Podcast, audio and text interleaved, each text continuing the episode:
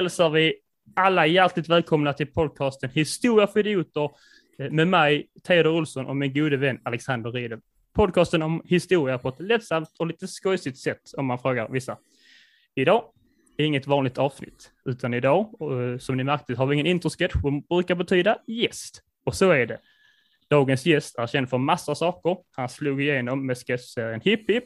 Sen har han gjort serier som Starke man, Halvvägs till himlen, Lasse-Majas detektivbyrå och min favorit, Intresseklubben. Just nu är han aktiv i Alla mot alla, där han tävlar med Ann Lundberg och framförallt släppte han nyss nyheten om en ny humorshow som heter Mina sinnes fulla bruk som kommer i hösten 2022. Varmt välkommen Anders Jansson!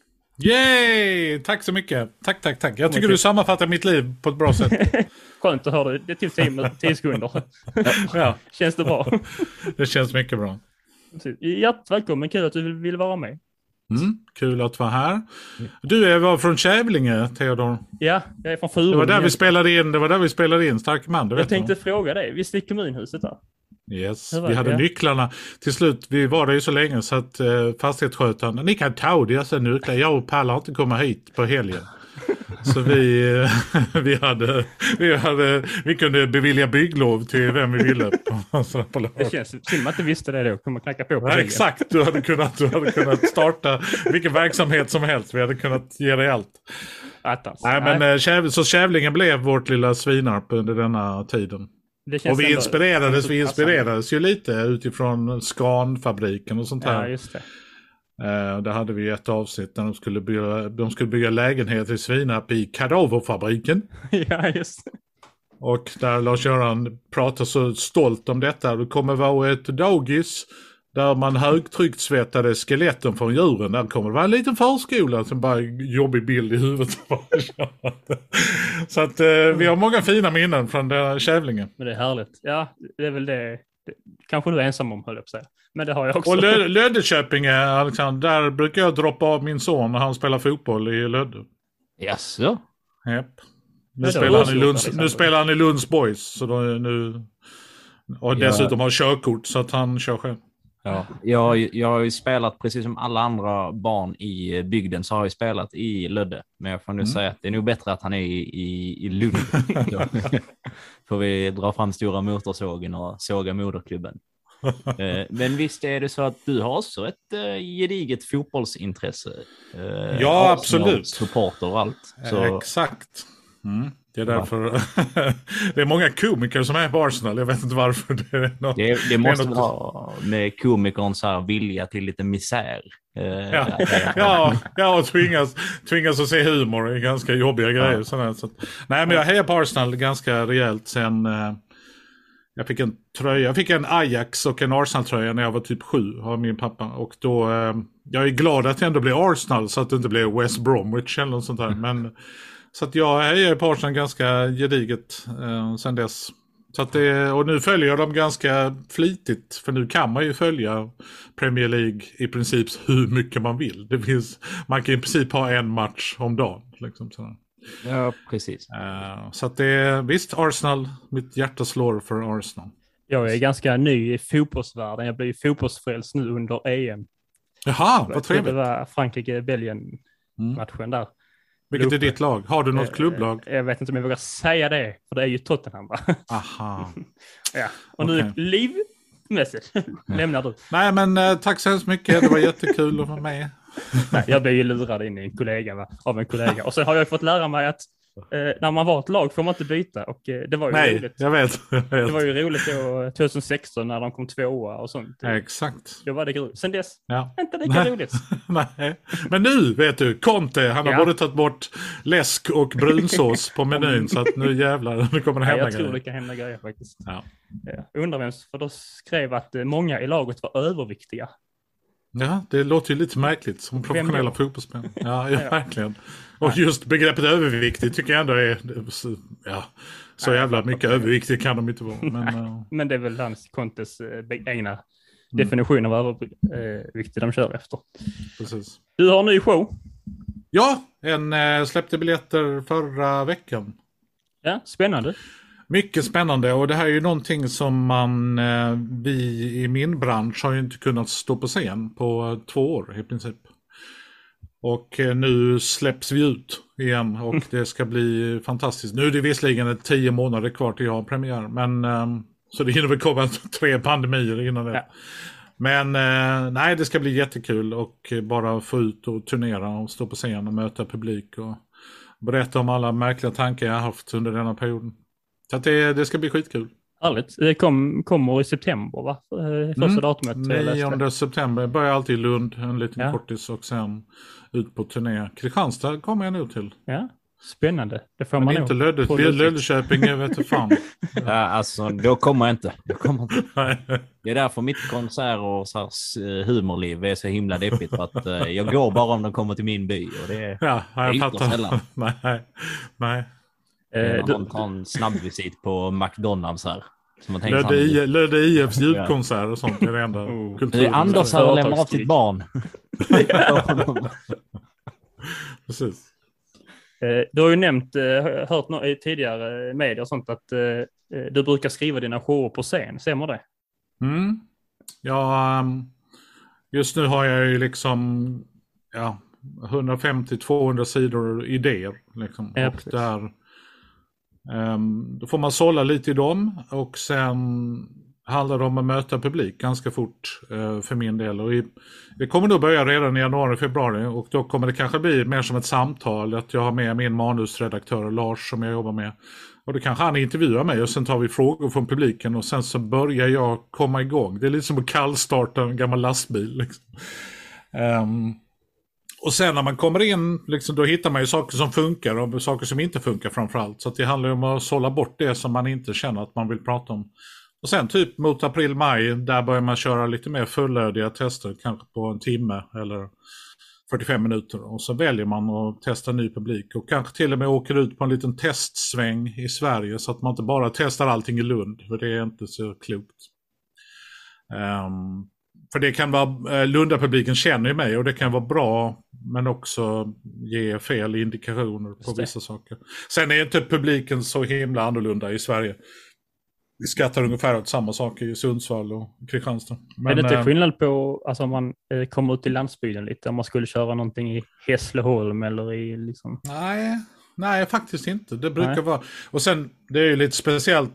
Det kanske är skillnad när man köper klubb. Men nu är jag ute och kör en show och då har ju folk ändå valt att ja, komma dit. För att de vill lyssna på något sätt. Så att man har väl en ganska positivt inställd publik från början. Men uh, nej, jag ser verkligen fram emot detta. Så att hela mitt nästa år kommer ju bestå av, av uh, skrivande och testande. Och, jag tänkte Eh, om eh, pandemin hade påverkat detta, men det har du inte verkar det som. Att du kör du gamla vanliga tekniken. Eh, ja, jo det får man ju nu. Jag menar, det, det fanns, vi hade ju diskussioner ifall jag skulle ut och turnera redan nu, alltså denna hösten. Men jag kände att det var för tidigt. Det är ju någonting man har lärt sig under pandemin att allting tar ju sån djävulusisk tid. Man tycker att ja, men vaccinering, det, vad tar det? Två, tre veckor? Nej, det tar åtta månader. Och sen när man väl är framme vid åtta månader, nej men det är inte alla som vill vaccinera sig. Nej vad fan, det får skärpning. Så att eh, jag, jag, jag skyndar långsamt helt enkelt. Ja, det gäller inte att ha för brått, då brukar det bli bäst. Mm. Eh, du är inte bara här som eh, komiker eller fotbollsnörd, du är även här som filmnörd, för vi ska ju prata film idag. Ja, vad kul! Ja, vad har du för relation till film? Oj, um, ibland undrar man hur mitt liv hade sett ut om inte film hade funnits. Um, Ja, men jag, ehm, när jag var liten så, ehm, jag gillar ju liksom verklighetsflykt och sådär. Så att jag ehm, läste ju väldigt mycket serier och seriealbum och Lucky Luke och Tintin och Asterix och Marvel och Spiderman och DC och allt möjligt. Och eh, tittade ganska mycket på film i den mån jag kunde. Gick ofta på bio och sådär så att mitt filmintresse har varit konstant egentligen. Ända sedan jag såg Singin' in the Rain när jag typ var sex år gammal. Um, så att jag, um, ehm, och nu recenserar jag faktiskt lite sådär på hobbynivå. På Twitter och Instagram brukar jag lägga upp filmer som jag har sett. Och det verkar väl ganska uppskattat bland mina följare.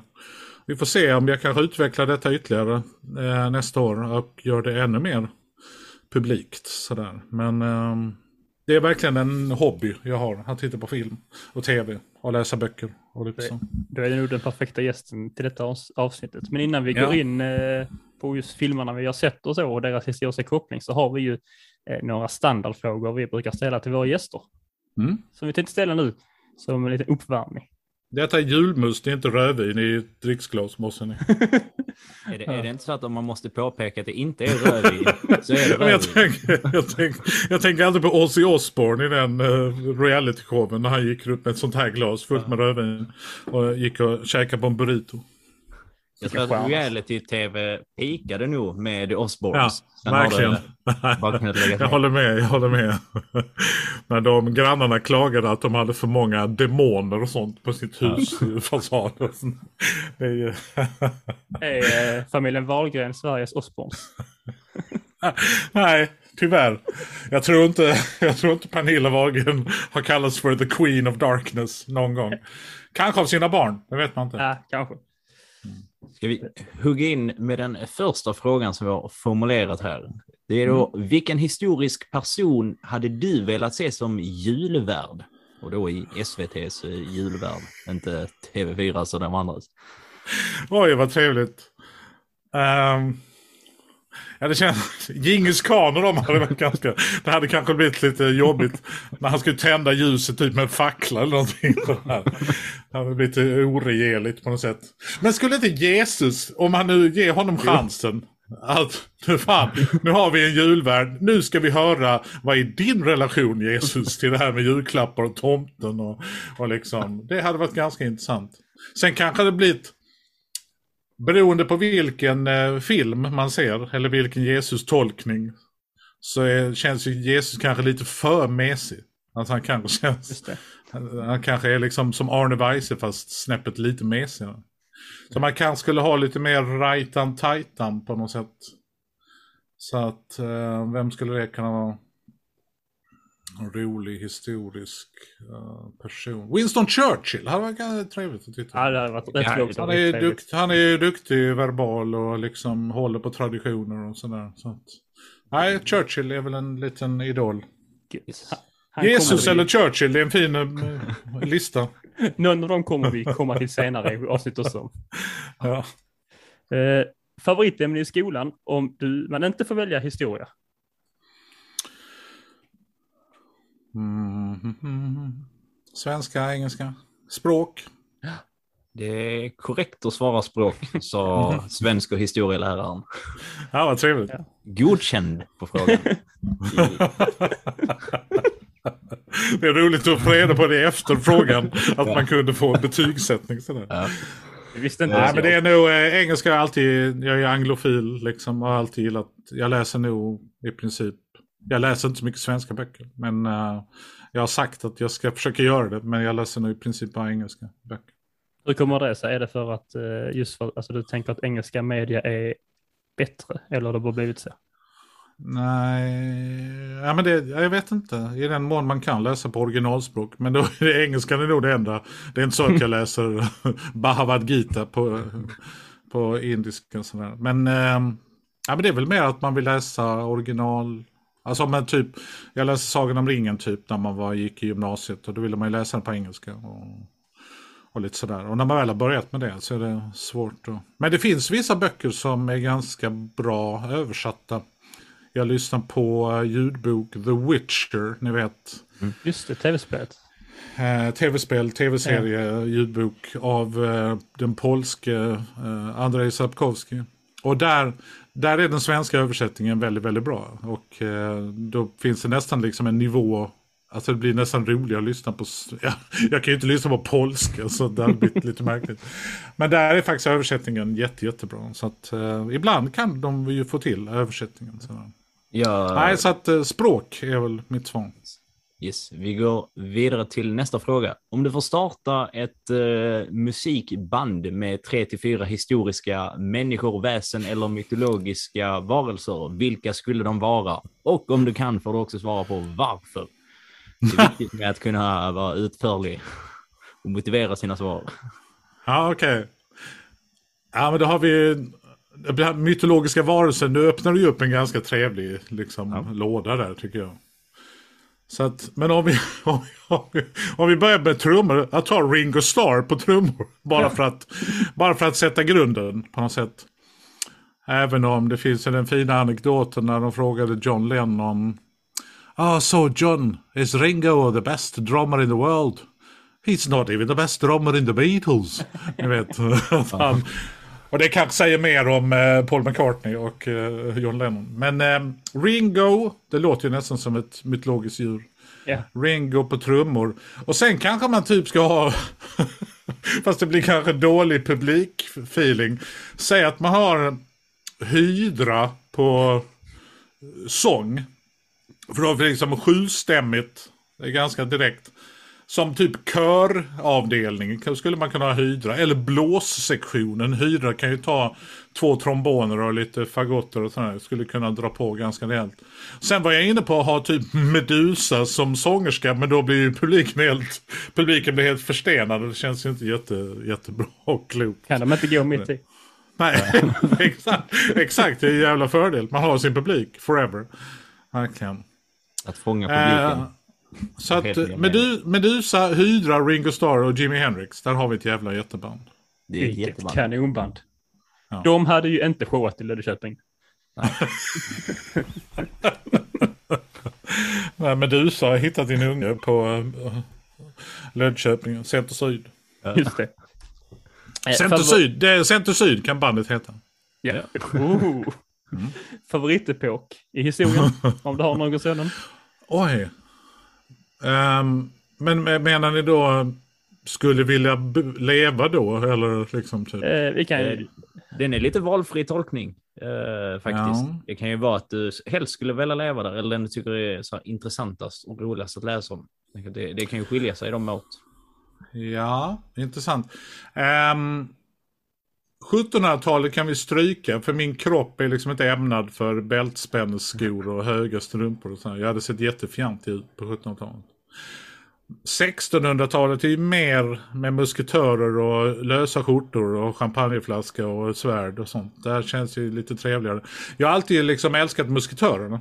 Mm. Eh, och, och, det har alltid varit mina favoriter. I, en av mina favoritböcker. Så antingen då under musketörtiden det skulle jag kunna tänka mig. Uh, om man var fri från sjukdomar och benbrott och sånt. För annars får vi räkna med, annars vill man inte åka tillbaka. Nej, om jag kunde ta med mig Alvedon eh, från denna tiden. Nej, så att antingen musketörtiden eller typ sådär slutet på 1800-talet om man var typ upptäcktsresande eller något sånt där. Det känns också som en ganska trevlig positiv period i vissa aspekter. Ja. Eh, det är liksom en revolution på något sätt. Men just det här resandet med mycket faror och spännande blinda fläckar på kartan. Vad har ni för favoritepoken? Oh, jag skulle nog säga... Bronsåldern. Precis. Eh, Bundestenåldern. Eller vi stanna upp. nej, nej, men eh, förmodligen antika Grekland eller eh, renässansen. Mm. Eh, då renässansen är ju antika Grekland lite 2.0. Liksom mm. att man tar det Precis. man lärt sig då och eh, gör det på nytt. Du kunde haft sån midjekavaj med jättebulliga axlar ja. och armar och sånt där. Jag tror det, jag tror jag hade klätt i det faktiskt.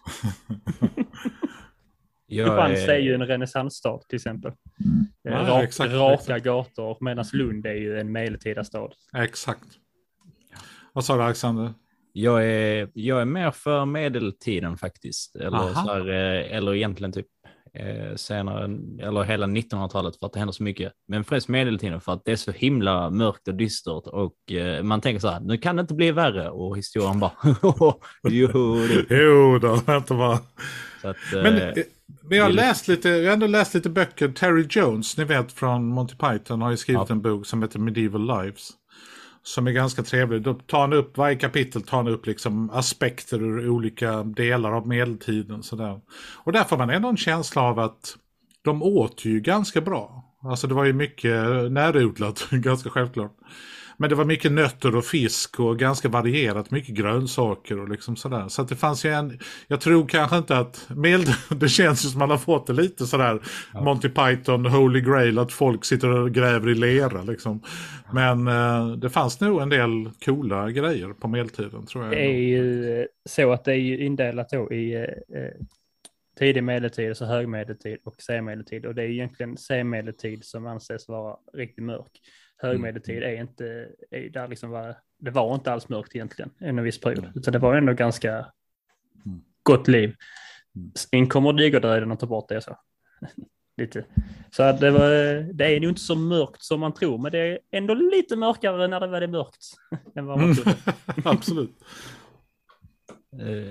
Ja, just det. Och sen har vi vår sista fråga, så att du får tänka dig tillbaks lite till eh, så här, gymnasietiden, lite första, någon form av så här hemmafestliknande, så tänka tillbaks till lite fjantstadie. Så att vi har en liten sån här fuck, marry, kill eh, med mm. tre historiska personer. Och det är då Rasputin, Gustav Trolle och Margaret Thatcher. Gustav Trolle, beskriv honom för mig. Vem var det? Det är en riktig busen, en liten landsförrädare som, eh, han jobbar mot Vasa men för Christian okay. Och eh, hålls ansvarig för Stockholms blodbad.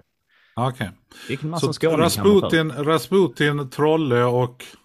Margaret Thatcher. Åh oh, herregud. Vad är det för härlig trio? Det ska vara svårt. uh... Ja, men då får jag kanske... Jag får gifta mig med Rasputin. För att han hade ju långa härliga fester och honom gick det inte att få dö på. Så att det Exakt. känns som att, att säga kill på honom känns ju lite... Ja men då får jag väl eh, ligga med Trolle då. För att Margaret Thatcher, det, det, vi ligger så långt ifrån varandra rent värderingsmässigt så att henne dödar jag helt enkelt. Vi, uh... jag, ser inte, jag ser inte fram emot detta. Jag hoppas inte ni kan ordna detta. Jo, vi har vår tidsmaskin här bakom. det rullar fram en DeLorean utanför mitt, Just det. mitt fönster här nu. jag, jag har länge tänkt att många kommer att Rasputin är ökänd för att ha jättestor eh, snase liksom som de har mm. besvarat. Jo, men om man är gift, om man är gift behöver man inte bry sig om det. Sant. Sant. Då får du ligga med honom ändå. Nej, troll... Är man gift med, gift med Rasputin tror jag inte man väljer det tyvärr själv. Nej, nej, verkligen inte. Han, hypnoti han hypnotiserar dig med sin märkliga space blick. Ja. ja, eh, och nu innan, eh, sista vi ska göra, snabba grejen innan vi går vidare in till filmerna, det är att i eh, alla avsnitt, förutom gästavsnitten, så har vi alltid med ett litet ljug som Alexander har knoppat ihop. Och förra mm. avsnittet pratade vi om Julius Caesar och nu ska Alexander till våra lyssnare som sitter och liksom skakar i stolen av ilska, berätta nu vad fan som var ljuget. Alexander? Oj, oj, Ljuget i avsnittet om Julius Caesar var ju då att eh, han skulle ha klippt av håret från sina närmaste för att göra fina tupéer. Det är då eh, förra avsnittets ljug. Men det som dock var sant var ju att han eh, hade liksom så här en bald spot mitt på huvudet som han hade väldigt, väldigt dålig känsla över så att han han högg ihjäl människor eller lät avrätta folk som påpekade eller var avsevärt längre än honom så att de kunde se det ska tydligen stämma. Eh, det är det bästa med att, han, han borde nog önskat att ljuget stämde snarare än det, den andra ja. myten som är omkring. Det är det bästa med att vara lång, att folk kom, ser inte min ballspot så att jag behöver inte döda den. Jag kan också tänka mig just att har man en lagerkrans så ramar man in bollspotten på något fint sätt också. just det. Så att han, ni vet han, eh, personen som stod bakom honom och påminner om att han var dödlig och sådär. det får ju vara en kort människa då i så fall. Ja. Det är som att ha liksom en stor hatt med pilar och så. Titta inte här. ja, man kan ju gömma en tupé i lagerkransen. Det kanske är bra ja. liksom en fästpunkt. Problemet är när man lägger av den och så ser det ut som att en hamster som har gömt sig. På något Ja. det är ändå trevligt att män har haft komplex för sådana här saker i alla dessa tider. Även om man är Julius Caesar som är en ganska framgångsrik person på sitt sätt. Att han ändå hade boldspot och tyckte att det var lite jobbigt. jag tycker också det är jätteskönt. Jag är liksom mid-twenties nu. Håret börjar säga hej då. Eh, mm. Och det gör saker med hjärnan med huvudet, spökar lite där liksom så. Oh ja, och det är skönt att veta att även den stora Julius Caesar, typ en av de mest liksom, berömda historiska personerna, känner likadant. Han var inte, ja. vi, Det är nog den enda likheten vi har visserligen. Du får gräva, du får gräva Theodor, ni har säkert mycket gemensamt. Hoppas inte. Hans dotter hette väl Julia Caesar, gjorde inte det? Japp. Jo. Det är, det är hur roligt som helst. Det hette ju hon som var med i Åsa-Nisse. Jo, hon som spelade eh, Åsa-Nisses fru hette Julia Caesar. Jaha. Mm. Vilket bra namn. Ja, ver- verkligen. Det är Om man inte får ligga med det så. Du får bara ligga med Rasputin, men det är helt okej. Ja, men då kanske vi ska gå in och prata om de här tre filmerna vi har eh, givit dig som hemläxa att se. Ja, och jag, jag tänkte att vi går i så här kronologisk ordning så här då, ut, eftersom att de utspelar sig då i tre, vi har tagit tre filmer och de utspelar sig i tre olika liksom, tidsepoker. Anders. Vi börjar längst bak eh, i tiden med eh, filmen Gladiator av Ridley Scott från 2000. Vad, vad har vi för första tankar och intryck? Jag misstänker Anders att du kanske har sett den här på bio när den kom. Jag var knappt två år när den kom så att jag såg den inte på bio. Mm. Nej, jag såg den absolut på bio. Ridley Scott är ju en av mina favoriter. Och ehm, till detta hör, det var ju otrolig upplevelse att se den på bio. Sen är inte det hans bästa film, utan jag tycker nog att den är... Jag, innan eh, jag pratade med er här så la jag ut dessa tre filmer på Twitter. Eh, Och eh, gav dem eh, blå kepsar som är mitt betygssystem. För det var en emoji som inte så många använder. Så den fick fyra av fem kepsar av mig. Ehm, För det är någonting med den rent berättartekniskt som inte riktigt blir fem, femstjärnig. Sådär. Men som filmen är så otroligt maffig och det är så snyggt och liksom Russell Crowe vann ju en Oscar och filmen vann ju en Oscar. Och det är John Logan som har skrivit manus, en ganska duktig person. Så att det är ju liksom ett jävla jättebra gäng som ligger bakom filmen. Det gick till och med så långt att jag har döpt min son Max efter Maximus. Oj, oj, oj. Då har du gjort ett bra betyg. Jag har ju inte samma betyg skulle jag säga. Första gången jag såg det nu faktiskt. Eh, Jag är Ja. inte en lika stor filmentusiast som jag vet att Nej. du och Alexander är. Eh, Så jag är lite efter vissa filmer man borde ha sett innan en viss ålder. Eh, Mm. Men jag såg filmen. Vad tyckte du? Eh, Om jag ska vara helt ärlig, tyckte jag den var smått tråkig ibland faktiskt. Jag Mhm. förväntar mig, jag kommer ihåg vissa, alltså jag har sett, sett en pappa kolla på tv jag var liten, jag har liksom bil, minnen av vissa fighting-scener och sånt. Och då tänkte jag, men det var nog maffig liksom, jag kommer att gilla detta, men jag blev lite, lite missnöjd. Själva berättandet tyckte jag om. Eh, och jag hängde ändå med i, och jag tyckte det var intressant berättande. Men i vissa stunder så kändes det som att, har jag kollat i 30 minuter, så hade jag typ bara kollat åtta. Eh, och sen just Mhm. fighting-scenerna hade, hade jag, kan göra med någon form av smått oupptäckt diagnos. Eh, men jag hade svårt att hänga med i eh, fighting-scenerna. Det var liksom li- typ filmat för nära skulle jag typ säga. Mm. Ja, de är ganska suggestiva liksom i sin uh, depiction på något sätt. Um, ja, det är mer liksom hela inledningsscenen i Germanien, liksom hela den, är så jävla maffigt. Och med hunden som springer bredvid honom och att de tänder alla pilarna. Det är romarnas effektivitet på något sätt. Sen finns det ju ganska mycket kritik till det här med att ta ut eh, ballistor och slungmaskiner ut i skogen och sånt där. vilket man kanske inte gjorde riktigt. Men eh, som liksom, man tar ju sig poetiska friheter när man gör film och det måste man ju få göra. Problemet blir väl när man påpekar typ att en film, ja men så här var det verkligen och den är baserad på det och det liksom.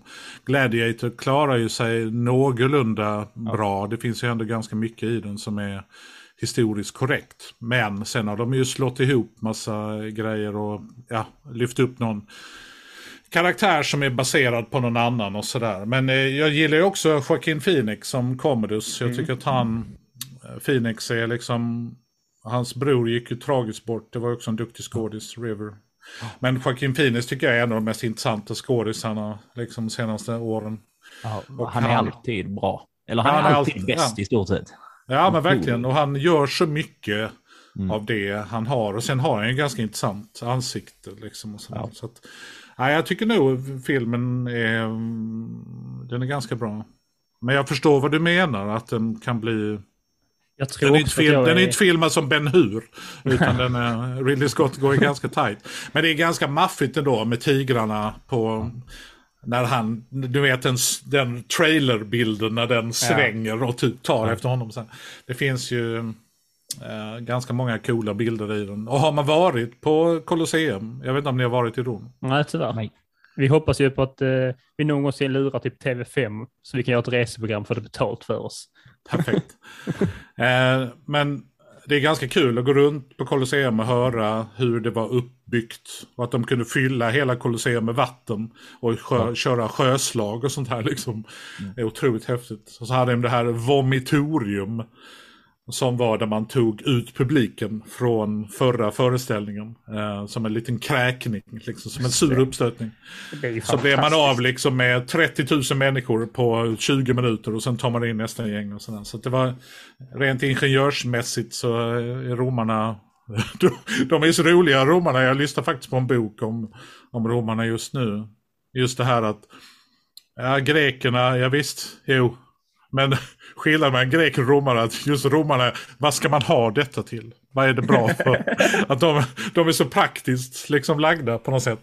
Så att de var ju mycket mer ingenjörer och liksom sådär än, eh, kanske inte, det här med demokrati var inte lika viktigt. Men bara, det är bara att kolla på det stora vägnätet ju. Ja, som, precis. Som ja, men, ihop hela rum som är grunden till många vägar vi har idag. Liksom. Det visar ju på Precis. deras tekniska. ja, och akvedukter och badhusen och liksom hela... eh, Och strids, eh, vad ska man säga, det fanns ju i och för sig tidigare. eh, Alltså tekniken, att Mm. mm. formationer och sådär. Alexander den store och även innan dess. Men romarna förfinade liksom på något sätt. Där, där är en, något som jag tyckte, för detta var så första gången jag såg Gladiator, vilket jag lite så här skäms för, som att jag har ett ganska stort filmintresse, men det har typ aldrig blivit av. Så att jag är nöjd med vissa, vi- vissa filmer, det är konstigt det där. Vissa filmer hänger man upp sig på. Det är liksom aldrig läge på något sätt.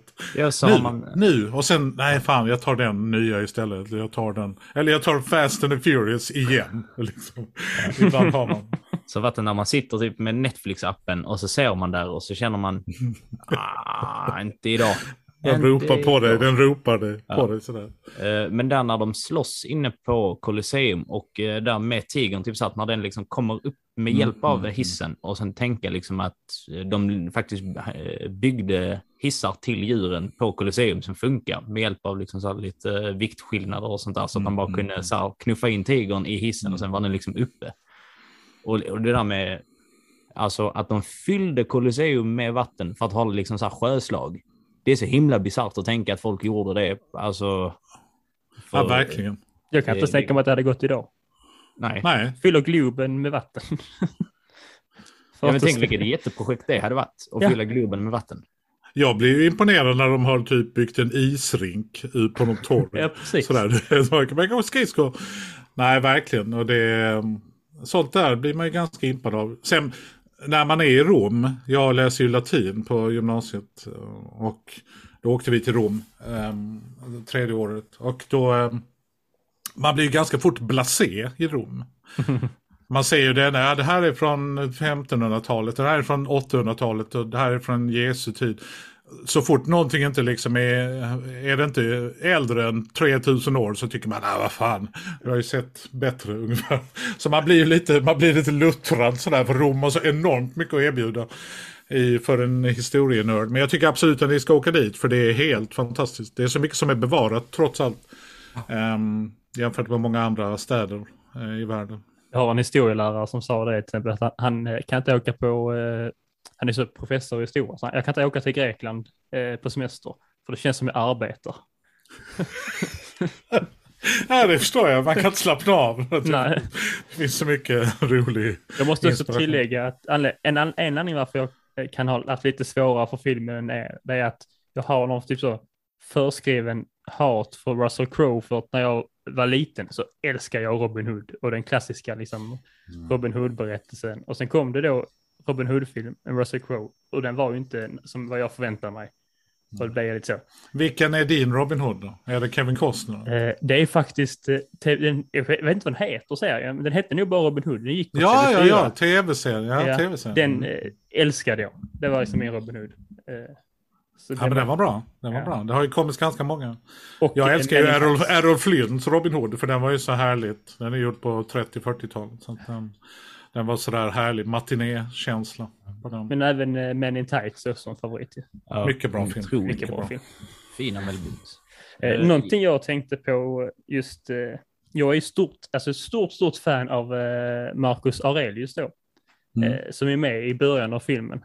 Jag är Mm. lite eh, filosofiintresserad och han har ju Mm. skrivit en, eh, liksom en eh, självbiografi, eller inte riktigt, men det är hans meditations som den heter Mm. på engelska, eller den heter självbetraktelser på svenska, men jag läser alltid självbefläckelser. Så jag bara, okej, Någonting som Rasputin höll på med varje fredag kväll. just det. Ja. Eh, Men du, är, inte, är det inte Aurelius som har typ skrivit metamorf... Det är inte han som har skrivit den? Nej. Det tror jag inte. Jag vet inte, jag kan, jag kan ja, men det finns, ju ganska, det finns ju ganska många romerska författare och Catullus och de här, inte Call of Cthulhu utan Catullus. Ehm, jag kommer Precis. ihåg bara när man läste latin att det var, liksom, det var en del, vi läste ju Marcus Aurelius då, liksom, att han... Det är ändå coolt att ha en kejsare som också är filosof och författare. Och, liksom. Det faller liksom in på, eh, är det Sokrates som sa att eh, filosofer borde vara liksom de riktiga, de enda ledarna för att de liksom, är de enda vettiga ledarna för de kan tänka extra. Eller, Det finns ett par jättebra böcker på Storytel, om jag nu får göra reklam för ljudböckerna, ehm, som heter Philosophy in an hour. Så att man får liksom en komprimerad filosof i en timme. Och de har jag lyssnat på under det året som har varit. Och Sokrates är ju en fru... Johan Wester och jag som gjorde Hipp Hipp med, vi gjorde ju en historisk föreställning som heter 500. Som handlar om 500 historiska personer. Vi gjorde även ett spel till detta eh, med 500 kort. Och då, eh, titta, då letar vi upp massa information. Det är egentligen någonting som ni borde, jag borde, jag borde se till så att ni får ett sånt, varsitt sånt spel. För att de är ganska roliga. Ehm, men då var det ju Sokrates, han var, det var inte världens vackraste människa tydligen. Han hade typ pinniga ben och var ganska ful. Och Hans fru tyckte ju typ att kan du inte skaffa ett riktigt jobb? Och liksom, så jag förstår ju, jag förstår ju att Sokrates verkar tycka då, det är vi som är de sanna ledarna. ja, Du vet. lite så. Hur är det nu? Visst är det eh, Platon skrev Sokrates tankar? Ja. Så man kan aldrig heller vara riktigt säker på om det verkligen är Sokrates tankar eller om det är Platons tankar. Nej, precis, precis. Man får... Uh... Det spelar det- ingen roll. Det spelar det- ingen roll. Precis. Det jag skulle komma till det med Marcus Aurelius, det var egentligen i filmen. Eh, så vill ju inte han, nu kommer vi ju spoila filmen såklart, men har ni inte räknat ut det så får ni skylla er själva.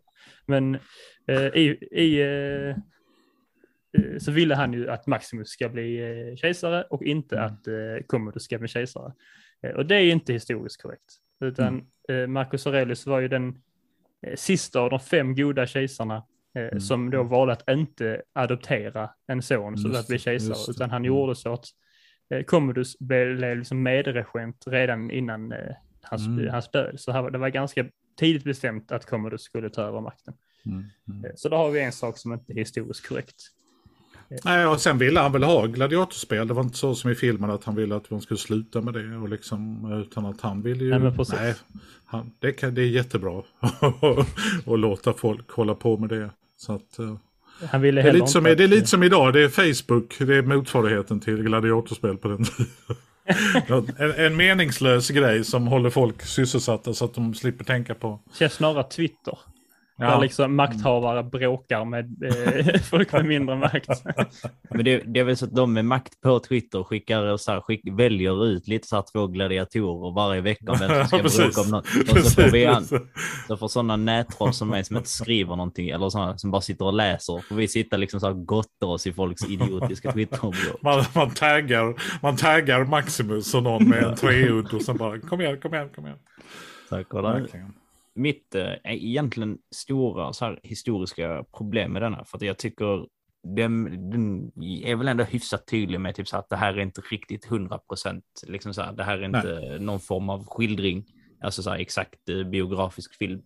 Men det, när de pratar om senaten i Rom så pratar de om den som att den skulle fungera lite som den amerikanska senaten eh, liksom idag. Om att de är folkvalda och de liksom så svarar inför folket och det ena och det andra, vilket inte stämmer. För det har vi ju ni som har lyssnat ett tag när vi har pratat om Rom, alltså att de som satt i senaten var liksom de absolut rikaste av de rikaste och de, det var ju familjer till slut som bara satt kvar och höll på makten. Och det kände jag var lite så här, lite väl emellanåt när de sitter någon gång där uppe och diskuterar och någon blir typ arg på Commodus och är typ mm. Vet du vad senaten, det är folket som har valt oss mm. att vi ska vara här. Mm. Då är de så här, ja ah, fast hallå, de ansåg sig väl ändå vara liksom folkets representant även om de inte var det. Ja. Det, låter ju lite, det låter ju lite som USA i och för sig. Att ja. det, är bara, det är ändå bara de rika i USA som hamnar ja. i kongressen och sånt. Men det är väl mer den här chimären eh, som är ganska intressant. Alltså just att man påpekar att man är vald på något sätt. Men man ja. kanske egentligen i praktiken inte är det. Liksom. Ja. Nej, det var ju många rika släkter och sådär som eh, tog fram sina bulvaner och fast, fast farbröder och brorsoner och kusiner. Ja, Marcus ja. Aurelius eh, föräldrar var ju också en, liksom en, eh, hans farbror var, liksom, var med i senaten till exempel. Mm. Eh, en annan sak jag också tänkte på som jag inte visste faktiskt, så jag lärde mig av filmen då att för den här lilla pojken eh, som eh, är då son till eh, Commodus mm. eh, syster som jag just nu inte mm. kan komma på vad hon heter, eh, som heter Lucius Verus och säger att han är döpt efter sin pappa. Eh, och eh, Marcus Aurelius adoptivbror heter Lucius Verus. Mm. så att jag var tvungen att kolla upp om han verkligen var gift med Marcus Aurelius dotter. Men det var han. Mm. så det stämmer också. Och så gjorde man på, alltså giftermål på den tiden var ju nästan enbart politiskt. Mm. Och det är inte fel. är det också gift politiskt? Absolut. Jag är David Batra det? det hoppas jag verkligen. Annars så... Ja, nej, jag vet inte varför jag sa det, men... Eh, jag väntar bara på att bli bortgift till någon eh, så här, partiledare. Men dina föräldrar bara, vi hittar ingen som vill ha honom. Någon som Angela Merkel typ, Alexander. Någon sån. Ja. Mm. ja. Jag tror att jag och Angela hade kommit bra överens. Absolut, hon verkar vara schysst. Hon, hon gillar att styra och jag gillar att lyda. hon gillar fotboll också. Hon gillar ja. fotboll. Så att, uh, bra människa. Ja. Uh... Nej men äh, Gladiator, det är liksom filmiskt sett så tycker jag det är en, en väldigt bra film. Liksom. Men uh, det, det är någonting med den som inte liksom gör att jag ger den fem av fem. Men det är... Ja, jag vet inte riktigt vad det är eh, faktiskt. För det finns ganska många bra element i den och saker jag gillar. Jag gillar ju epokfilmer, jag gillar ju historiska filmer. Och, man, där man tar i liksom från tåspetsarna och sådär. Men det är någonting med den som inte riktigt... Ja. Den blir lite sentimental på slutet på ett sätt som jag kanske tycker är lite ja. för bra. På något sätt. Ja, ja. Eh, jag tycker nog dels lite så här att den är ju ändå så här 21 år gammal och det händer ju liksom så här med så här, filmen utvecklas ju hela, hela tiden framåt. Så därför blir det ofta så att de yngre tycker inte om de äldres filmer fastän de är liksom jättebra för att man ser ju film på annorlunda sätt. Och jag hade lite svårt att förhålla mig till Alltså att mycket av musiken, för att det är fantastisk eh, musik, men den har använts i så många andra liksom, mm. sammanhang. Typ så här, när vi har satt gör reklam för typ mm. Champions League-finalen så är det typ Gladiator-musiken. Mm, precis, och, och Robinson och sådana program. Ja, så att då blev det så att när den spelades, när de hade så här, då blev det så här, så han, vad fan håller ni på med? Ni fattar väl att, och sen bara, just det, det, så här, det var ni som startade detta. Så att det, det blev lite så att man emellanåt tittar tillbaka med lite så här, för moderna glasögon. Så att jag kände att i, emellanåt fastnar man lite i de uh, grejerna. Men sen tyckte jag nog att filmen saknade lite så här, lite hjärta emellanåt. Alltså, mm. så här, jag tyckte den känns väldigt uh, kall. På, alltså, så här, det är ju såklart en tragisk historia, men inte jag hade svårt att koppla lite så till karaktären och känna någonting för dem. Även om det är såklart att eh, Maximus då, det är ju ett eh, hemskt öde att han måste bli gladiator och slåss för sin frihet. Men att han är mest bara butter. Mm. Nej, men jag håller med. Det... Det, tycker jag, det tycker jag faktiskt gäller även i Kingdom of Heaven. Har ni sett den? Ja. Ridley Scotts eh, korstågsepos. Um, där Orlando Bloom spelar smed som blir korsriddare så småningom. Och det är någonting med Ridley Scotts filmer som ibland träffar han rätt vad gäller protagonister och sådär. Som Ripley i Alien och ja. liksom. eller Deckard i Blade Runner. Ibland träffar liksom toncastingen blir perfekt sådär. Men just Orlando Bloom och Russell Crowe, jag håller med, det blir väldigt mycket ledsen eller testosteron på något sätt. Mm. Liksom. Det finns ingen, nej jag vet inte, men uh, jag fattar precis vad du menar. Liksom. Det, man tycker att det borde vara mycket hjärta, men det är liksom hjärta på ett sätt ungefär. Ja. Det känns som att man kan kunna visa andra aspekter av honom. Men uh, det är väl också att när man gör revenge-filmer som detta ändå är, Ja. så tar man ju bort mycket av det som gör honom mänsklig direkt i princip. I en liten uh, flashback på något sätt. Sen är ju frågan om man hade kunnat göra honom alltså, för mänsklig för att han var ändå liksom, han dödar ju ändå människor omärkbart för att det är så han är fostrad och så man gjorde. Och hade man gjort honom för mänsklig så hade det ju kanske påverkat ens tittande på ett annat sätt. Mm. Ja. Jag menar mest hela, hela filmen i sig. Det känns som att där, där är få gånger där, där jag känner att någon beter sig alltså så här på, ett mäns alltså på ett mänskligt vis. Vissa filmer har ju det liksom att de har väldigt mycket hjärta, även om det är liksom så här tunga ämnen, men man känner att man kan knyta an till personerna och man får se dem vara eh, gör så här allmänmänskliga grejer. Som är, där är, var en scen som jag kände eh, som gjorde att jag började tänka på det. Eh, för det var, de sitter Maximus och sen så då de två slavarna, som man, eller gladiatorerna som man så får lära känna lite, där de sitter Mm. typ och den här ena killen börjar liksom så här låtsas att han typ kvävs eh, av maten och sen sitter de och skrattar och har kul. Och det känns så att nu fick den här filmen så här lite hjärta, men det var också typ en scen i en film som är, vad är den, 2.40 kanske. Mm. Eh, men annars, det är en otrolig film som jag känner att folk borde gå och se om de inte har gjort det. Jag skulle säga att Commodus eh, spegling och Joaquin Felix, eh, där är ju Mm. Mänskliga reaktioner mänsklighet och han har de faktiskt skildrat väldigt bra. Det, Ja, men det tycker jag också. Jag tycker han, han är väl kanske det, även om det är ett svart hjärta. ja. Så um, den scenen när han kväver um, Aurelius i början, den, den är ju... Och när han, ni vet han hugger med svärdet på statyn nere liksom i, i palatset. Liksom. Där finns det ju verkligen ett mörker. Man ser att han plågas liksom på något sätt. Nej, jag håller med. Det är han som, eh, det är ett, även om han är den onde, om man nu ser det på det sättet, så är det faktiskt han som, ut, där man egentligen känner igen liksom de här mörka sidorna hos människan på något sätt, som gör honom ganska mänsklig. Det är ganska intressant. Och han var ju en tok på riktigt också. Han var ju gladiator, han gillar glad, gladiatorspel på Ja. riktigt också och var med i gladiatorspel. Han var med, ja, precis, han var ganska Ja, duktig. Men var det inte typ hans brottningspolare som ströp honom eller sånt? Jo, Jag tror han, att han- blev mutad. Narcissus, Eller- Narcissus eller något sånt hette han. Som kvävde honom, typ. Eller så. Ja, jag, lä- Jag får mig ha läst någonstans. Ja, nej, men jag läste på det, det stämmer. Eh, Och där finns en, eh, liksom så att man misstänker ganska starkt att eh, de i senaten som var emot honom, att de då skulle ha lagt en ganska stor summa eh, i den här människans lilla ficka. Och att det är så att om du har ihjäl honom nu eh, så, liksom så, här, så får du jättemycket pengar. Eh, Men shh, om det.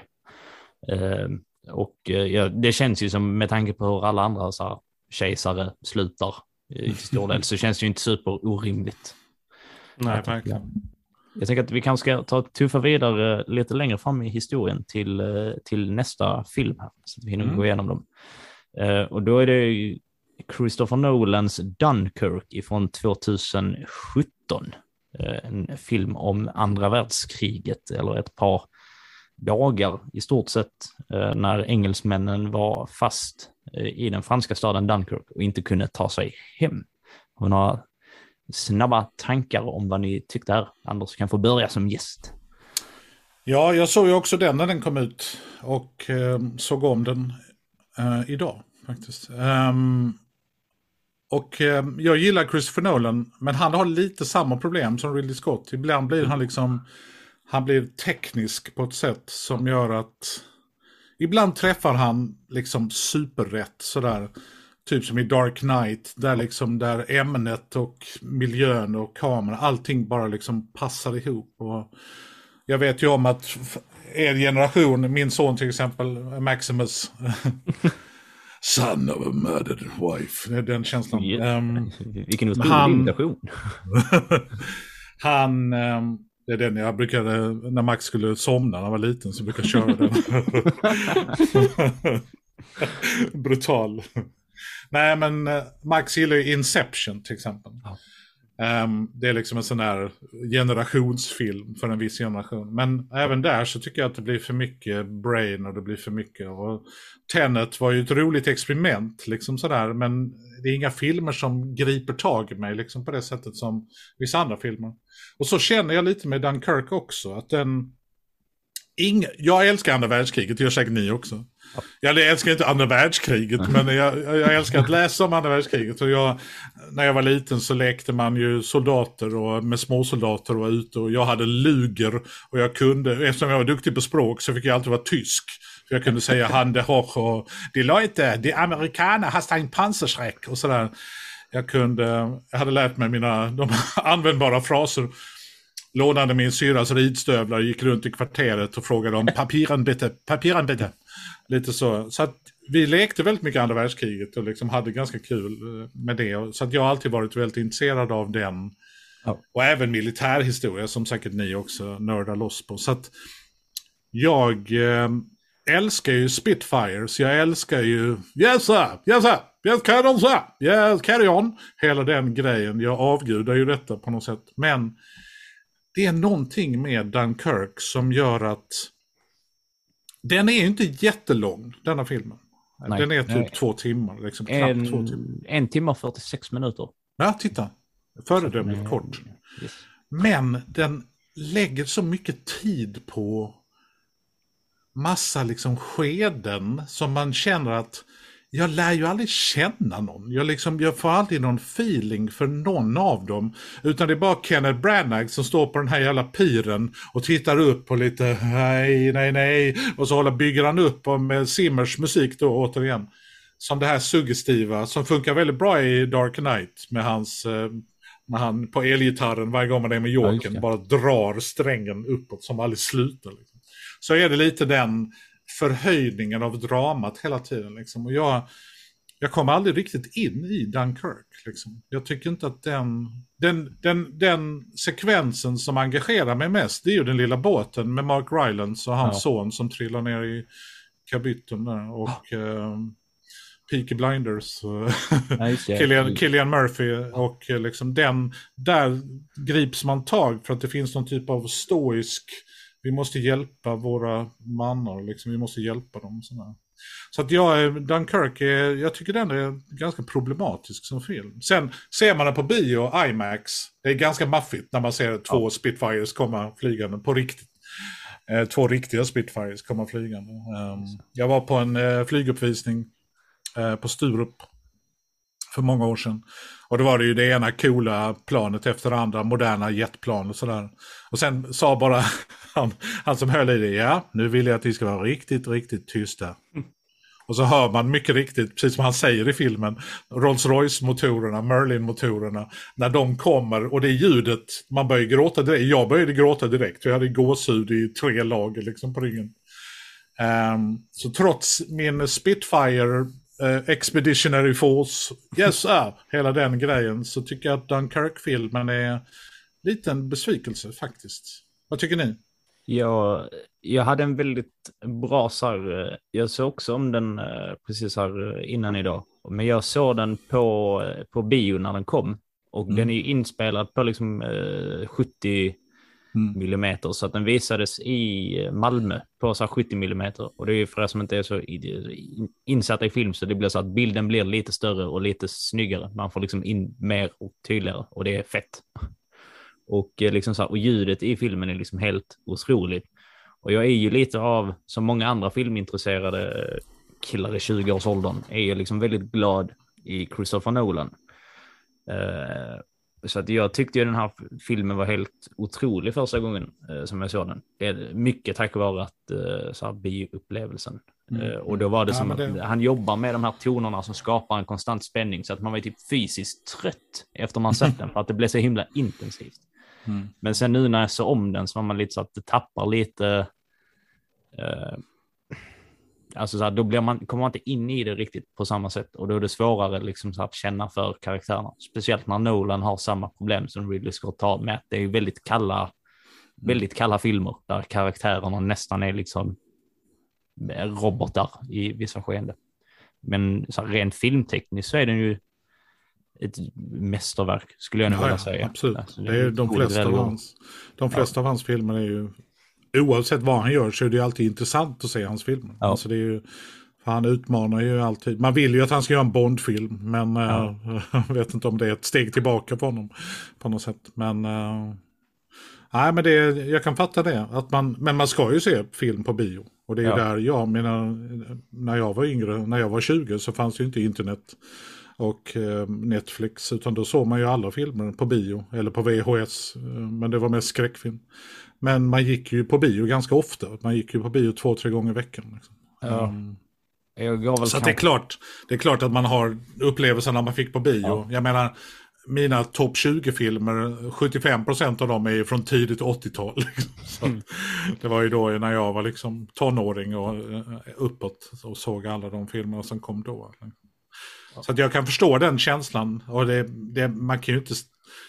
Alltså just Nolans filmer bör ju ses. Man får Ja. skaffa en IMAX-skärm hemma. Liksom. Ja, 100 tums Ja, tv och... Exakt. Jag eh, eh, pratade med Alexander innan jag skulle se filmen för att eh, om jag behövde, eh, för min sambo eh, var inte intresserad så jag var tvungen att hitta en tid när hon inte ville kolla. Och så har vi eh, surround-ljud här hemma. Eh, Mm. Så tänkte jag, men jag kan få kolla i sängen sen i mobilen och så Alexander, du får inte kolla på mobilen. Vad du gör får inte kolla på mobilen. Nej, fy fan. Och Så jag har sett ju- den nu med surround-ljud och eh, jag tror, hade jag inte gjort det så hade jag inte haft samma upplevelse. För det var mycket det här med ljudet hela tiden som, eh, som jag gissar då att Christopher Nolan vill ju ändå att man ska få samma liksom, känsla av att lite obehag som de eh, i filmen Mm, och på mm. stranden hade. Eh, men det är också egentligen allt den gör. Man bryr sig inte Mm. om dem egentligen. Men, och man vet ju vad som kommer hända som att det är historia oftast. Men det är det enda den gör att man håller sig alltid på den här obehagliga nivån, att man aldrig riktigt kan slappna av. Och man måste, Mm. och det väl nog egentligen det enda det gav mig. Sen tyckte den var bra, jag tyckte, den, tyckte bättre om att kolla på den än Gladiator faktiskt. Mm. Måste säga, för att den var, det är någonting, jag har, det är någonting med allt, Frankrike-England-relationen är alltid spännande för mig tycker jag. Mm. Mm. Och just att utspela sig, jag är lite en frankofil, hobbyfrankofil, Mhm. så bara, bara att utspela sig i Frankrike så blir jag ett extra plus för mig liksom. Men det var ju, hade jag kollat den på mobilen hade jag nog inte tyckt om den alls. Så det Mm. kan du hålla med det ni säger just som att eh, jag fick nog bara ett smakprov på det Alexander kände i bilen. Liksom. Mm. Sen eh, där finns ju, som vi varit lite inne på alla tre här, var tankar om att eh, den var ju typ medvetet gjord, alltså för att alla de engelska soldaterna ser ju typ likadana ut. Mm. Alltså att de är liksom vita och så brunhåriga eh, och så lite så här rufsig kalufs. Och de är ju klädda likadant för att de är soldater. Och att tanken var ju, av vad han har sagt sen, att man skulle så här, man skulle inte känna igen dem som personer eller karaktärer, utan man skulle bara kunna så här, tänka typ att de var vanliga människor, alltså vanliga unga eh, grabbar. Men det jag tycker är att det sabbar ju lite liksom så här filmupplevelsen för att det blir svårt att liksom knyta an och känna någonting för en människa som egentligen bara är en frisyr. Sen, Ja, men jag, jag håller med. Och det, jag menar, den här uh, Expeditionary Force, det var ju ganska mycket utlänningar med där. Det var ju både franska trupper från Nordafrika och det var liksom indiska mm, frivilliga och ganska många fransmän och holländare och belgare som ville till England för att kunna åka tillbaka och bekämpa Hitler. Så att, nu har de ju en scen med en holländare är det va, som dyker upp på någon av båtarna. Men Ja, det där greppet känns ganska konstigt tycker jag. För att det blir så himla likriktat och då dessutom då historiskt helt felaktigt att det inte finns några människor av, med färg eller lite olika ursprung och sådär. För att det var ju till och med kanadensare på BF-styrkorna som, som kämpade. Så att ehm, Dock nej, det där läst- känns som ett lite konstigt grepp. Liksom. Jag har läst dock att just den här, eh, alltså eh, mängden människor eh, av minoriteter var väldigt, väldigt, väldigt liten gentemot eh, resten av människorna var där. Eh, Ja, ja, självklart. Men ändå, hade man bara haft, hade man bara haft en eller två Ja, hade representerade så hade man ändå Ja. fått en liten känsla av att där, det var inte bara britter liksom. där finns ju en eh, stor del av filmen utspelar sig när de står eh, och väntar på liksom en, en brygga ut till en båt som skulle kunna ta hem liksom vissa människor. Så att folk står ju och köar för att få chans att komma med båten och komma liksom hem. Och eh, några av de bilderna har väl blivit lite så här, eh, typiska till filmen, användes mycket i PR-materialet. Och om man kollar på den bilden när de står liksom ihoptryckta så ser man att det är ju liksom bara ja, men vita liksom så här, eh, brittiska män. Och det känns som att där hade man ju säkert kunnat klämma ja. in en och annan lite, bara, bara för att. Men annars bara. har den ju inte, det är inte så jättemånga stora historiska missar i, i övrigt. Det är väl med just plan, Luftwaffe-planen var det någonting. Mm, ja, precis. Det är den första attacken med Stukas som kommer där med det härliga pipljudet. Um, det användes ju ganska mycket Stukas i just den attacken. Och sen, mm. Sen får man ju ingen förklaring för liksom tyskarna, men de väljer ju inte att skildra tyskarna överhuvudtaget. Nej. Det gör man ju i andra filmer. Liksom. Ja. Varför de valde att stanna pansardivisionerna bara för att liksom, de var lite kaxiga på något sätt. Men sen är det väl mer att det var ju inte riktigt så många småbåtar. Det var ju mer Royal ja. Navy eftersom engelsmännen var ju ändå kungar på havet fortfarande mm. liksom och skulle ju lätt kunna ha slått ut tyskarnas flotta med sina skepp på ett annat sätt. Men det är väl också känslan av att England kommer och hjälper oss liksom ja. på något sätt. Med de här småbåtarna som ändå, det får man ju fatta rent poetiskt liksom i filmen att det kanske man... När han, Kenneth Branagh är det han säger vad är det du ser? Vad är det du ser? Säger han. Home. När han ser just alla det, båtarna som kommer. Det är ganska mäktigt. Ja, det, det blir um, en av få stunderna i filmen eh, med verkligen stort hjärta. Och man blir mm. lite så sentimental. Det är fint. Och så speciellt när man har fått följa ja, vad han nu heter, han som plockar upp Killian Murphy, den här lilla... Eh, mm, precis, Mark Rylance. Ja, ja, alltså att man har fått följa liksom så här, så man kan ju tänka att många av de andra småbåtarna med vanliga människor har haft liksom samma eh, svåra resor dit. Så att det blir mm. väldigt sentimentalt, men historiemässigt eh, lite överdrivet. Eh, mm. Eftersom att det var massa Navy-skepp eh, och liknande som också var där och hjälpte till. Och likadant Men det var, det var ganska mycket Royal Air Force, det var, de gjorde ganska många flygningar. Jag tror de var uppe på liksom mm. 3000 flygningar. Liksom. Men i filmen får man en känsla av vad fan har ni varit? Varför har ni inte hjälpt till? Varför har ni inte hjälpt oss? Så att att de ville, engelsmännen ville spara RAF liksom inför nästa våg på något sätt. Men uh, det var inte riktigt, riktigt så illa var det inte, utan de hjälpte till ganska mycket. Ja, det blev en konstig, för att uh, jag läste på om just det. Uh, och det blev lite en märklig så här, historieskrivning, för att de tog med, man ser där i slutet, den här ena piloten, när han kliver av tillsammans med de andra, och de går där längs tågrälsen på väg hemåt. Mm, och så är det ju någon som typ säger till honom så här, var fan har du varit? Mm, mm. Uh, och att det liksom så ska hinta till om att, eh, för engelsmännen var besvikna över flygvapnet generellt. Men det var ju inte på grund av att de inte dök upp där, utan för att folk tyckte att de var misslyckade och att de svek landet. Så att det uh, var tydligen många händelser där typ piloter låg liksom och guppa i havet. Mm. Så när båten precis, körde inte förbi. Upplockade. Ja, precis. Nej, att de typ så bara, ah, han är en så jävla sopa. Eh, liksom så här, låt han drunkna. Fy fan. Fy fan. ja, verkligen. Sen fick de en, en fin revansch i slaget om Storbritannien. Så. Ja, de fick uh, sitt lilla lyft. Mm. Men alla, fil alla filmer där man kan höra Spitfires i surround, det är ju alltid bra tycker jag. ja.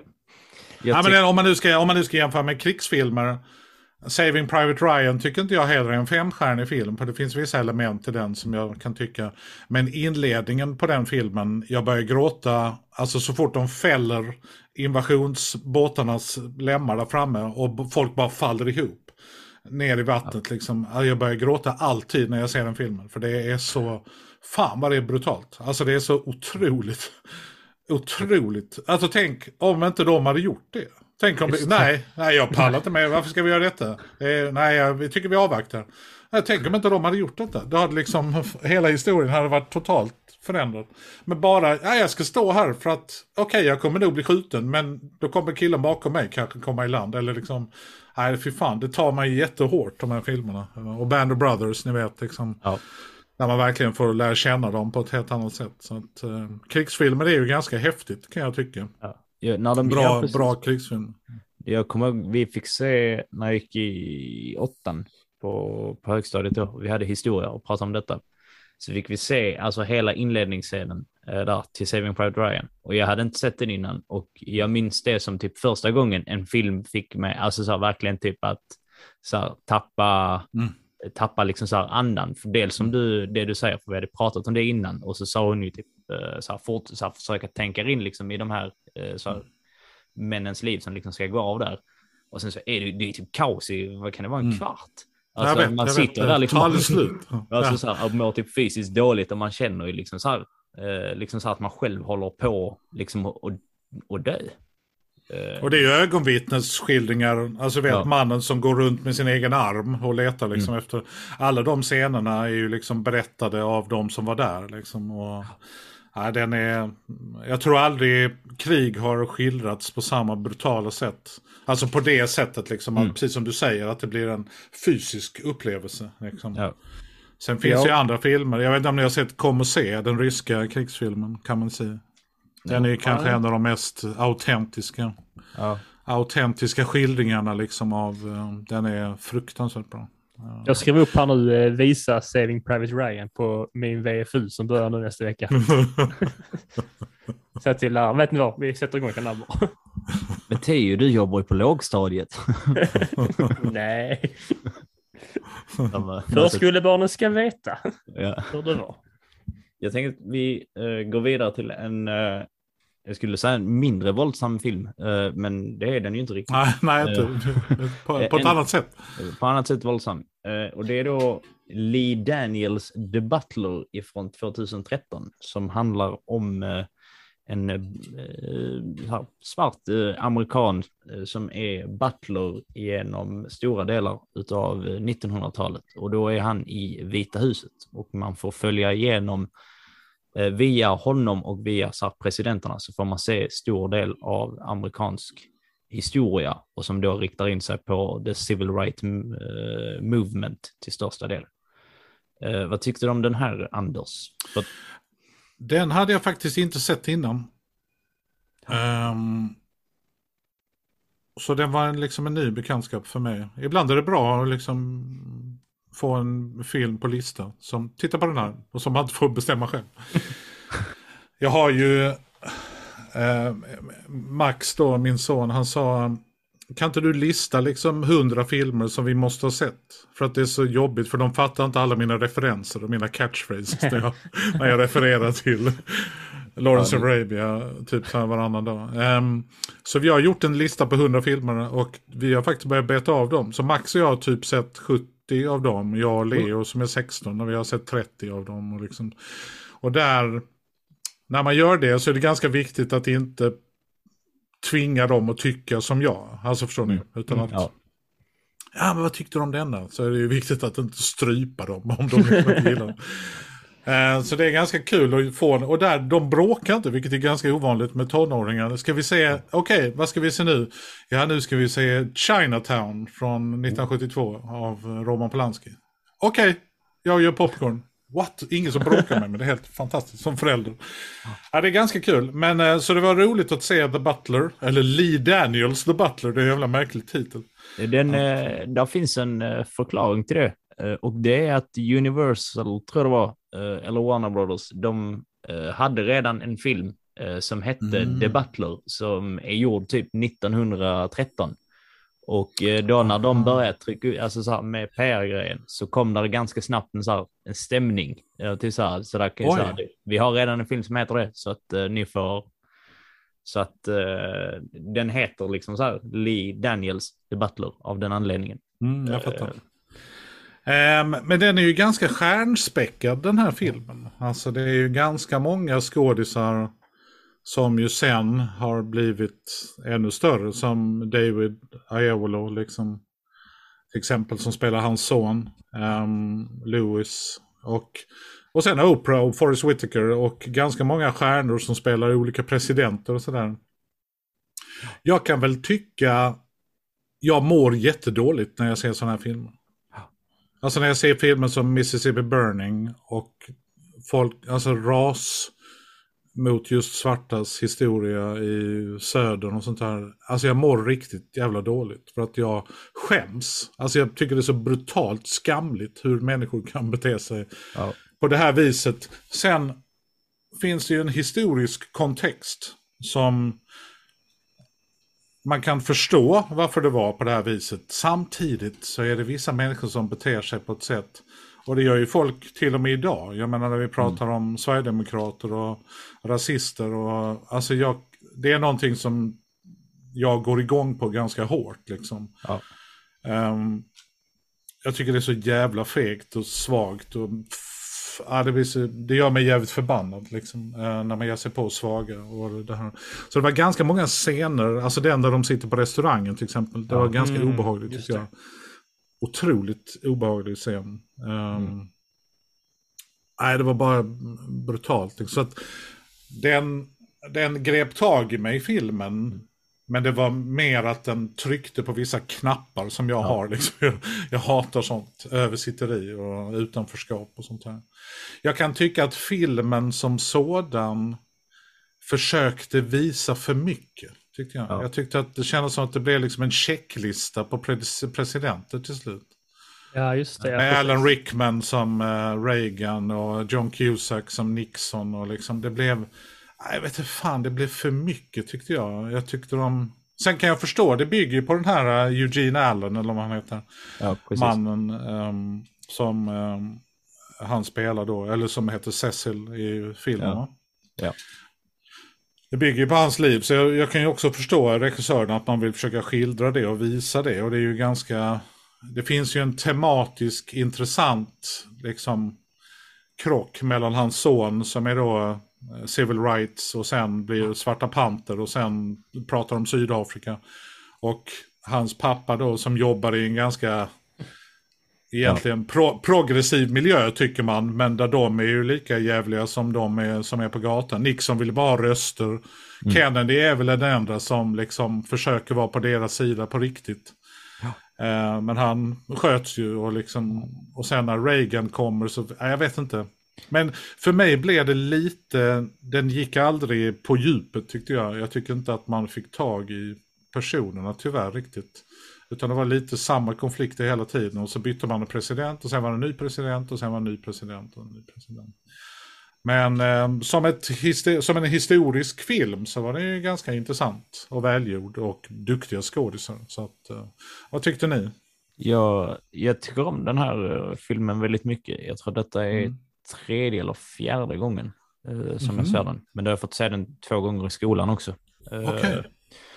Eh, men i, dels, det här är typ min, alltså själva genren och stilen, så tycker jag väldigt mycket om eh, så här biografifilmer, när det är så här människor som gjort något extraordinärt.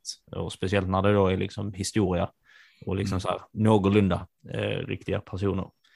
Och speciellt när den ändå tar tag i lite svåra ämnen så att man känner att man eh, lär sig någonting och får uppleva någonting. Men eh, det enda problemet jag har med den eh, så här, egentligen är också det som du är inne på, att det, det blir ganska hoppigt, jag tar inte saker på, på djupet. Den blir lite så här mm. Forrest Gumpy, att eh, ja, bara. Ah, titta, nu är den mm. presidenten här mm. och sen bara, ah, titta, och nu är han här. Och så mm. man känner att vi kanske skulle stannat vid typ två och liksom så här utforskat mm. lite, lite mer så här, vad, vad, vad sa de här presidenterna mm. gjorde om någon liksom så här större skillnad liksom så hur upplevs det och liksom stanna tag. Och det blir lite så för att den är ju, som du sa, den baseras ju på han eh, Eugene Allen, eh, lite så här löst eh, baserat. De har tagit sig eh, historiska friheter och liksom så här mm. filmatiserat eh, och hittat på vad som krävs. Mm. Eh, men själva händelserna som när de här ungdomarna är på den här bussen i Birmingham som blir attackerade ja, av eh, Ku Klux Klan eh, sådana händelser har ju liksom hänt på riktigt och Martin mm. Luther King är med och de rörelserna. Mm. Men att det känns som att det blir lite att man visar det förbi farten. Precis som att just det där hände också. Och så kollar vi på det i fem minuter och sen nämns det liksom inte igen. Så jag tror att den hade, det hade varit otroligt om den hade kunnat komma typ som miniserie nu. Mm. Eh, typ ja, så här på med. HBO eller något sånt. Alltså att man, och så hade man kunnat ta kanske så här en timmes avsnitt och så typ en president mm. åt gången och se lite hur, eh, vad de påverkar och hur det påverkar deras liv och sådana grejer. Mm. Annars tycker jag att det är en väldigt fin film och jag mm. tycker väldigt mycket om dels Forrest Whitaker. Jag tycker han är en otrolig mm. skådespelare. Ja, alltså, verkligen. när där är någonting med så här, när karaktärer är liksom så här vänliga, så här, Mm. genomsnälla, det, det blir jag glad av att se. Jag älskar han eh, James Stewart, den gamla skådespelaren. Mm. Det känns som att han alltid är så här, en liten snäll farbror som har hjärtat på rätt ställe, men som liksom när det väl brinner till, då jäklar. Så att då, då är det någonting allvarligt. Att, Då tycker du titta på Vertigo av Alfred Hitchcock. Då, ja, den, är- den har jag sett. Ja. Där är älskar han den. inte lika, han är inte lika myspysig där. Men uh, eh, men just en av mina att, favoriter. Men visst, i It's a wonderful life och Mr Smith goes to Washington och Ja. alla de här riktiga nej, Capra-filmerna. Mm. Yes. Nej, men det, jag tycker det är en bra film. Alltså Butler är helt okej tycker jag. Men jag föredrar ju nog en film som Mississippi Burning om man nu ska prata liksom om, för den, jag vet inte, den ger sig på djupet kring en händelse. eh, Liksom lite mer sådär. Och sådär. Det, det är precis det jag kan tycka eh, lite kanske saknas i debatten. Jag tyckte eh, för att vara så tung film så var den för mig, alltså det var på något sätt ändå inte lättsamt att kolla för det var tunga ämnen, men man var ändå, ändå det var en lätt tittning på det sättet att man följde med lätt och, eh, och det kan ju vara då på grund av att de inte gick tillräckligt långt in på de tunga ämnena. Till exempel scenen med eh, eh, Ku Klux Klan och eh, bussen där, där det kommer eh, vanligt folk inom situationstecken bara som kastar, kastar in eh, eh, saker i bussen och så. Och då, jag som liksom eh, framtida samhällslärare tänker mycket på hur ett samhälle kan formas till detta. Hur någon form av ideologi kan göra så att helt vanliga människor som växer upp och har sådana här åsikter och ge- gemensamt har någon form av st- åsikt om att det, det de gör är rätt. Eh, Det är en fråga jag hade kunnat önska att var, alltså, de byggde mer på i sån här film. Ja, men sen också, jag menar rent historiskt hur slaveriet, jag tycker det är ganska intressant när han jämför ju Auschwitz med slav, bomullsplockarna liksom i södern, att det fanns arbetsläger även, eller om det är Sydafrika eller vad nu han jämför med, liksom att den brutala liksom slaveriets hela, vad det får för konsekvenser. Liksom. Att bara hämta arbetskraft i Kap Verde liksom, som sen ska jobba som slavar. Liksom, att det, det får sådana enorma konsekvenser när man pratar liksom. Jag har varit ganska mycket i USA. Det, det är ganska intressant om man pratar med folk som kommer från Alabama och där nere. Liksom, för att de, de har liksom en liten, de har en egen historia. Alltså det, USA är så stort land så att det är så, det är så svårt att Ja, men folk i New York, de tänker inte riktigt som folk i Texas. Så folk i Texas tänker inte som folk i Kalifornien. Och så bor det typ nio människor i Montana och varför får de rösta överhuvudtaget så här mycket? Varför är det viktigt att det liksom... Ja men ni vet den kartan som kom upp i presidentvalet när man inte såg stater utan man såg hur många som var. Men vad fan, det bor ju ingen, det bor ingen i Wyoming typ. nio människor. Och då ska, de ändå, då ska de ändå kunna påverka liksom. Där kan man Ehm. ju, någonstans så som vi var inne på i början, när du pratade lite om eh, din show, om att publiken någorlunda är liksom densamma i hela Sverige. För där kan man ju verkligen tänka att i USA som fortfarande så här, är ju ett ganska segregerat eh, alltså land. Eh, där finns ju fortfarande oroligheter eh, kring just alltså, eh, rasfrågor, om man nu definierar det så. Det väl så de själva brukar definiera det. Men att där är det ju verkligen, verkligen så, av vad man har hört, att det är som liksom vissa saker kan du inte göra i vissa stater på grund av att det är liksom för känsligt och folk inte är mottagliga. Jag tänker att det blir väl lite ett eh, perspektiv man kan ta med sig. Eh, Alltså Ja, och egentligen- även när man, pratar, när man pratar vapen med amerikanare så eh, det är klart att de i New York, vem ska de bli invaderade av? Alltså du Ja. vet, ja, det är turister ungefär. Det är det som är det för värsta i New York. Men ni vet när det var liksom eh, vägen till Oklahoma-grejen, att man bara öppnar upp. Ja. Och eh, grattis, den som kommer, sätt ner en flagga där ni vill bo för då får ni det området och sen får ni sköta er själva liksom. Och då, det finns i varje amerikans, sen är ju liksom steget från att ha ett gevär och kunna skydda sin familj från typ pumor och indianer, det är ett sätt. Men att köpa liksom en luftvärnskanon och skjuta på skolbussar, det är liksom en annan, det är liksom en annan nivå det på det där. Men de har ju ändå det där med bilen, frihet, jag vill inte att någon ska kunna styra var jag ska åka. Och jag vill ha ett vapen för jag vill kunna skydda mig för jag vet inte vad skit som kommer ut ur skogen liksom. Och det, där. och det är så grund, det ligger så djupt hos vissa amerikaner och i vissa områden i USA. Mm. Kalifornien det är ju som ett eget land. Det är liksom mm. en egen, vad är de, typ den sjunde största ekonomin i världen. Liksom. Så att de, det är ju en helt, det går inte att jämföra dem med folk som bor mitt i. Och det går inte att jämföra New York eller Chicago med de som bor i Texas. Liksom. Så att det, och i det så, men trots, trots detta, som du säger Theodor, så är det ändå svårt att fatta hur kan man vara så jävla inskränkt. Alltså, men det, allting handlar om rädsla. Jag tror det allting handlar om fear of the unknown och dålig utbildning.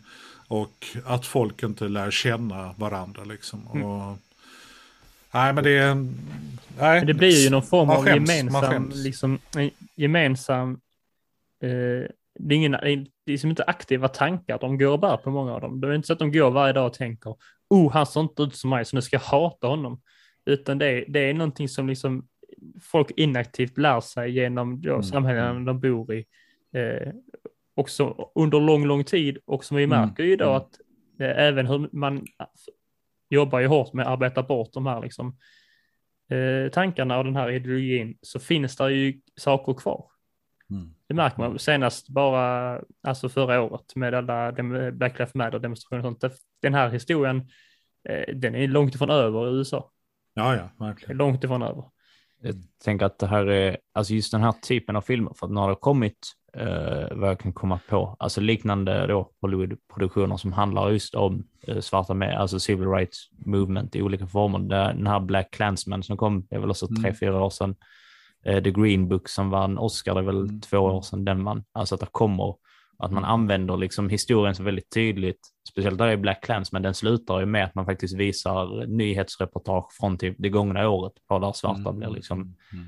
eh, behandlade på Eh, väldigt, väldigt dåliga vis och sådana demonstrationer. Att man använder liksom historien för att liksom så belysa mm. eh, så problem som fortfarande finns idag. Jag tycker att den filmen gör det ju liksom eh, ganska bra. Och de pratar lite om det också, eh, som du var inne på här Anders, med att det är att liksom, folk är rädda för att de är inskränkta och de tar sig inte tid liksom, att möta människan. Att det är någon eh, av de här butlersarna som jobbar på Vita huset när de pratar just om det, om att de är liksom eh, kanske första liksom så här mötet för så här politikermakten om att visa liksom så här att genom att de gör sitt jobb och visar sig trovärdiga så skapar de någon form av bild mm, och det är väl mm. kanske det allting handlar om, alltså så att skapa eh, positiva, positiva möten. Eh, mm. Sen är det ju tråkigt att det handlar på minoritetsgruppen att se till att skapa de positiva mötena när det finns aktivt motstånd. Så på det viset är det ju en... Ja, det är ett jävla jätteproblem. Det är liksom system, ja. det är systemfel också när, jag kommer ihåg, jag såg ett klipp på, det var någon som hade en kamera typ på garagedörren liksom, som filmade ut mot gatan. Och då var det en liten kille, han kan ha varit fyra, fem, en svart liten kille som var ute och spelade basket typ. Och så kommer en polisbil och då gömmer han sig. Alltså fatta. Ja. Alltså det är så jävla hemskt. Ja. Att det sitter så, du kan inte lita på ens dem, de som ska skydda dig. Mm. Och du som liten femåring, fan coolt med poliser, de är ganska coola killar liksom. Och tänkte Nej, då, sticker han, då sticker han och gömmer sig liksom. Kan du fatta att växa upp med den känslan som förälder, att bara se vad fan är det för jävla land vi lever i liksom. Så Polisen det... som också är liksom det alltså, yttersta rent filosofiska ja. vi har i, som i hela samhället. För att liksom skydda det demokratiska samhället eh, vi lever i. Kan man inte lita på dem? Liksom? Nej, vad, det är klart okay. det tänker jag. Och så här, man ska inte jämföra alltså, så här, länder med länder för att det är lite fult och eh, platt. Men om man tänker på typ så här, när det är Malmöfestivalen liknande att de säljer sådana här Eh, till barn, alltså så en poliströja som såg ut som en lite så här uniform. Alltså man har ju sett hur många barn som helst. Så jag hade också en sån eh, när jag var liten och så tänker man att den möjligheten finns, eller så här, viljan framförallt mm. till, alltså så här, att man tänker att ändå i ett av världens största, viktigaste och mäktigaste länder så är det en, liksom så här, en verklighet som för de barnen och till de föräldrarna mm. skulle typ vara det sjukaste att berätta. Att här tycker vi om så att våra barn här de älskar liksom polisen. De står ju typ och jublar när polisbilen kommer. Så har de de här Mm. tröjorna så de kan klä ut sig lite käckt till polisen. Nej, det är svårt att sälja i en black community kanske i Alabama. Ja. Jag tror det också. Så att det, Men ehm, ja, vi får se vad som händer liksom historiskt sett. För att det känns ju som USA är på väg till någon slags inbördeskrig. ja, Eller har varit det ganska länge. Men som inte bygger på gränser utan mer värderingar liksom. Mm. ja, det känns Men- kusligt nära. Nu Mm. har jag förvisso inte haft ett uh, så här, samhällsmed... Alltså, som både jag och Theo liksom så här, eh, det är väl när man börjar komma in i 20-årsåldern man börjar reflektera på det viset över världen.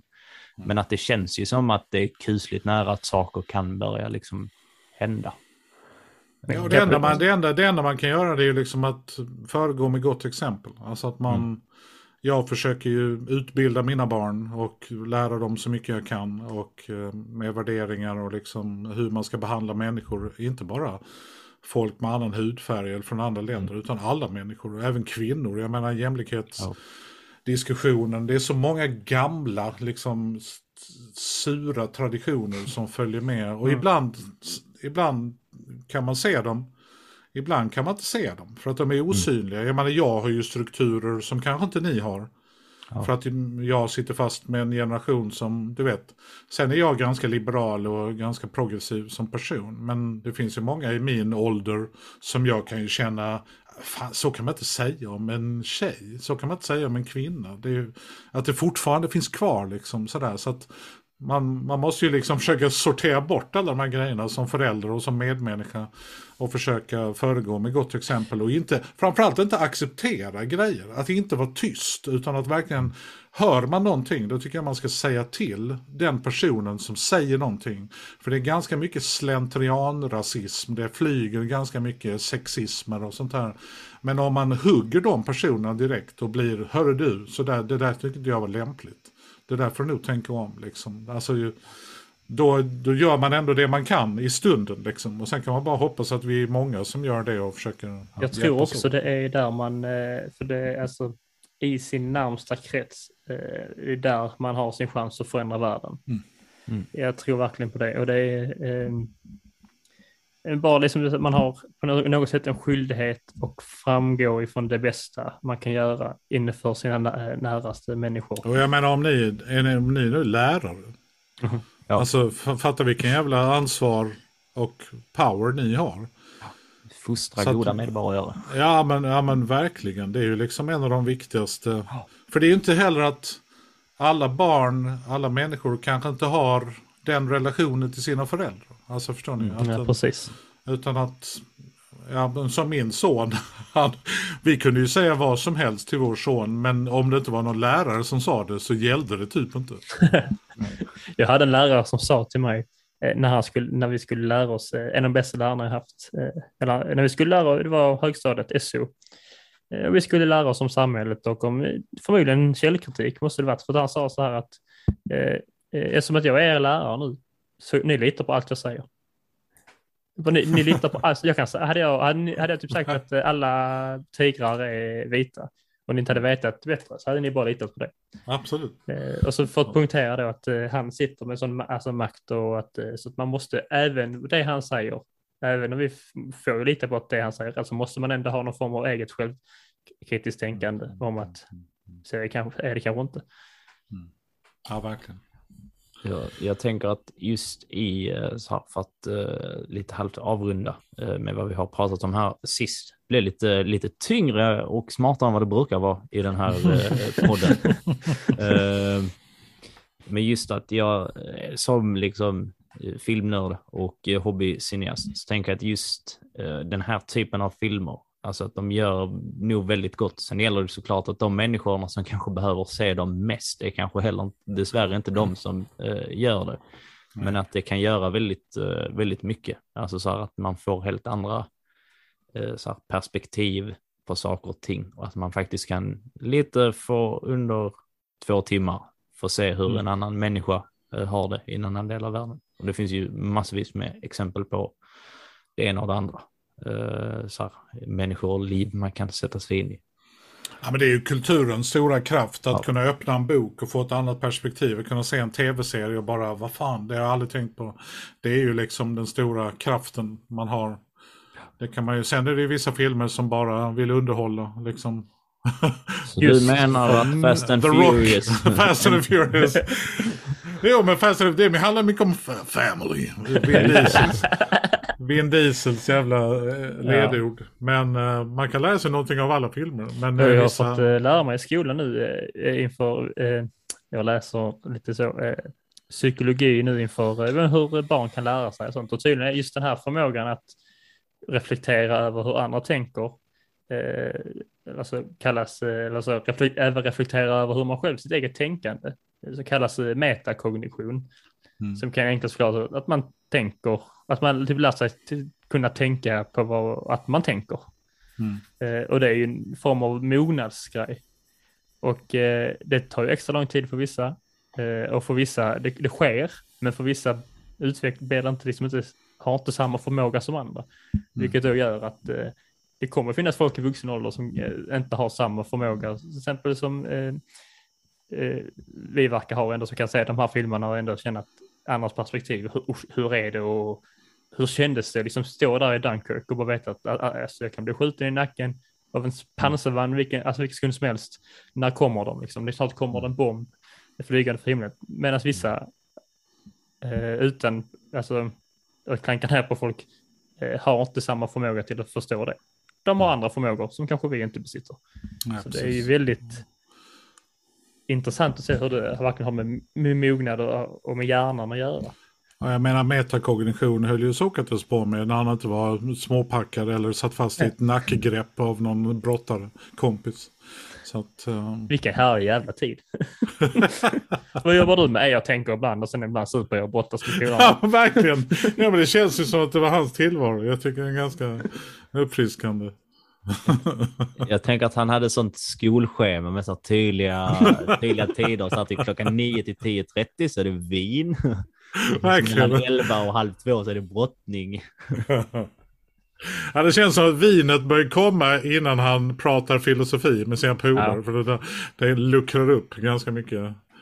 Och sen kan man, eh, när man är bakfull kanske det är bra att brottas. För då blir man av med allt möjligt. Eller så var rensa det system. Platon som satt bredvid så sa han bara Sokrates, eller så Platon skriv detta så sa han massa skit på fyllan. Han bara detta kan jag fan skriva. Nej, jag kan skriva det. Jag får renskriva och sen läser, så, så läser Sokrates. Va? Har jag sagt detta? Det här var ju skitbra. Ja, typ. Det där med grottan. Jag la till det där med grottmetaforen. Ja, ja, ja. ja. Så att, nu väljer jag att tro att det var så. Men eh, jag skämtar heller inte. Jag kommer, eh, alltså, jag kommer nu ta med mig till exempel här att man ska, kan visa de första scenerna i Saving Private Ryan när man pratar om eh, andra världskrig till exempel i, under min eh, yrkes, lärarkarriär. Tänk, tänk, nu på att, tänk nu på att det är en scen på en kyrkogård först. Så att du inte slår på filmen. Utan du får spola fram. jag- För om du bara visar den vid kyrkogården så är det ganska, ja, och visst, folk dör. Jag får nu göra min research lite innan jag... Ja, du, får, du kan inte starta. Du kan inte sätta på den och sen gå ut och röka liksom. Utan då kommer de, då kommer de undra, va? Vad är det här? Vill du Ja. Bara kyrkogårdsscenen och sen pausar du precis när den gamla gubben har blivit Tom Exakt. Hanks. Fattar ni? Exakt, Fattar ni? exakt. Och det var det de genomgick. Va? Vilken upplevelse! När jag såg detta kommer du in. Jag var helt eh, slagen av detta. Va? Va? Ja. Nej, så att det, det är viktigt att ställa dem på ett par minuter in. Just det. Ja, det är bra. Du ska göra min research extra noga så att jag spelar eftertexten exakt, exakt. Jag måste tipsa. Eh, har ni sett The Crown? Ja. Min fru och jag tittar på den just nu. Och vi är inne på säsong, slutet på säsong två. Det är en fantastisk serie. Och där följer man ju Elisabeth den andre. Just det. Ja, drottningen. Hon lever ju fortfarande. Ehm, man följer henne från det att hon blir eh, drottning. Och sen de senare säsongerna, det kommer in massa, massa nya roliga ansikten. Ehm, men den, ur ett rent historiskt perspektiv och production design och skådismässigt, den är helt jävla otrolig. John Lithgow spelar Churchill i säsong ett. Och Claire Foy som spelar drottningen. Alltså, och Matt Phillips som spelar Philip. De är så jävla bra. Alltså det är så otroligt bra. Och sen en Jaguar, eh, du vet, MK, XK 120 som kör i Skottland och sådär. Det är ju inte fel rent visuellt liksom. 50, 50 och 60-talet och eh, Vanessa Kirby känd från Mission Impossible bland annat. Hon spelar ju Margaret till exempel. Och, så det är en, en väldigt bra historisk serie för man får följa med i mycket av det som sker liksom kring Europa och kungahuset och saker i världen och sådär. Så den tycker jag man ska titta på faktiskt. Om man eh, är intresserad av historia. Det är Ja, eh, väldigt påkostad. Väldigt påkostad. Och Den eh, behöver jag ju se. Eh, det är Det är svårt. det. Och, och den kan du se tillsammans med din fru, flickvän, sambo, Ja, min älskarinna. sambo, Den- hon, eh, eh, hon är lite Kanske inte alla dem, sig. inte älskarinna, sambo. Och Jag vet inte hur många du har i ditt liv, Ja. men ta väl någon. Det råkar vara en och samma person. Ja, titta, perfekt. EU har ju Ta- så många så att han kan göra en fuck, marry, kill och ändå ha älskarinnor kvar. Alexander är en av dem. ja. Och vi vet, vad han, vi vet vad han vill göra med dig just nu. Så ja. att, ja. Nej, men hon är lite boss över tvn i detta, eftersom att jag inte har samma intresse vad vi ska kolla på sånt. Mer än just de här, till exempel eh, Lupin, eh, Lupin som jag säger. Till exempel Mm. jättehärlig fan. Det fick jag kolla på själv till exempel. Sånt. Så att det, Din frankofil. ja. Jag Mm. får, eh, nu ska jag, det kommer att ta några månader innan jag bearbetat in The Crown. Men det ska jag Ja, själv. bra, bra. Får Jobba bara på så här subtilt lägga fram lite så här eh, en kronor på bordet och säga a crown. Och sen bara gå därifrån. Just det. Ja, Min bjuda på- föreläsare bjuda- heter Elisabeth. Bjuda, baka scones och bjuda på te och liksom vagga in henne i en slags anglofil-varning. Ja, för hon är ju inte intresserad av historia för fem öre. Vet, jag har historielektion, ska kommer, kommer hem och oh, vet du vad jag lärde mig idag? Hon bara, jag skiter i det. Men säg att, det. är, att The Crown är lite som Paradise Hotel fast Just med eh, lite mer historia, liksom, liksom lite mer... Dig Man lär, man lär sig någonting, man lär sig någonting. Tänk dig Adinator möter Buckingham Palace. Kom tillbaka, kom tillbaka. ja. Det, ja, var jag, ju, tycker du, jag tycker du ska se The Crown. Oavsett det kommer om- jag lösa. Jag tänker att vi kanske får börja eh, avrunda och eh, avsluta eh, så smått här. Eh, men innan det så har du något annat, Anders, som du skulle vilja göra reklam för eller plugga eller önska det ena och det andra. Du får lite fritt spelrum här eh, till att göra vad du vill.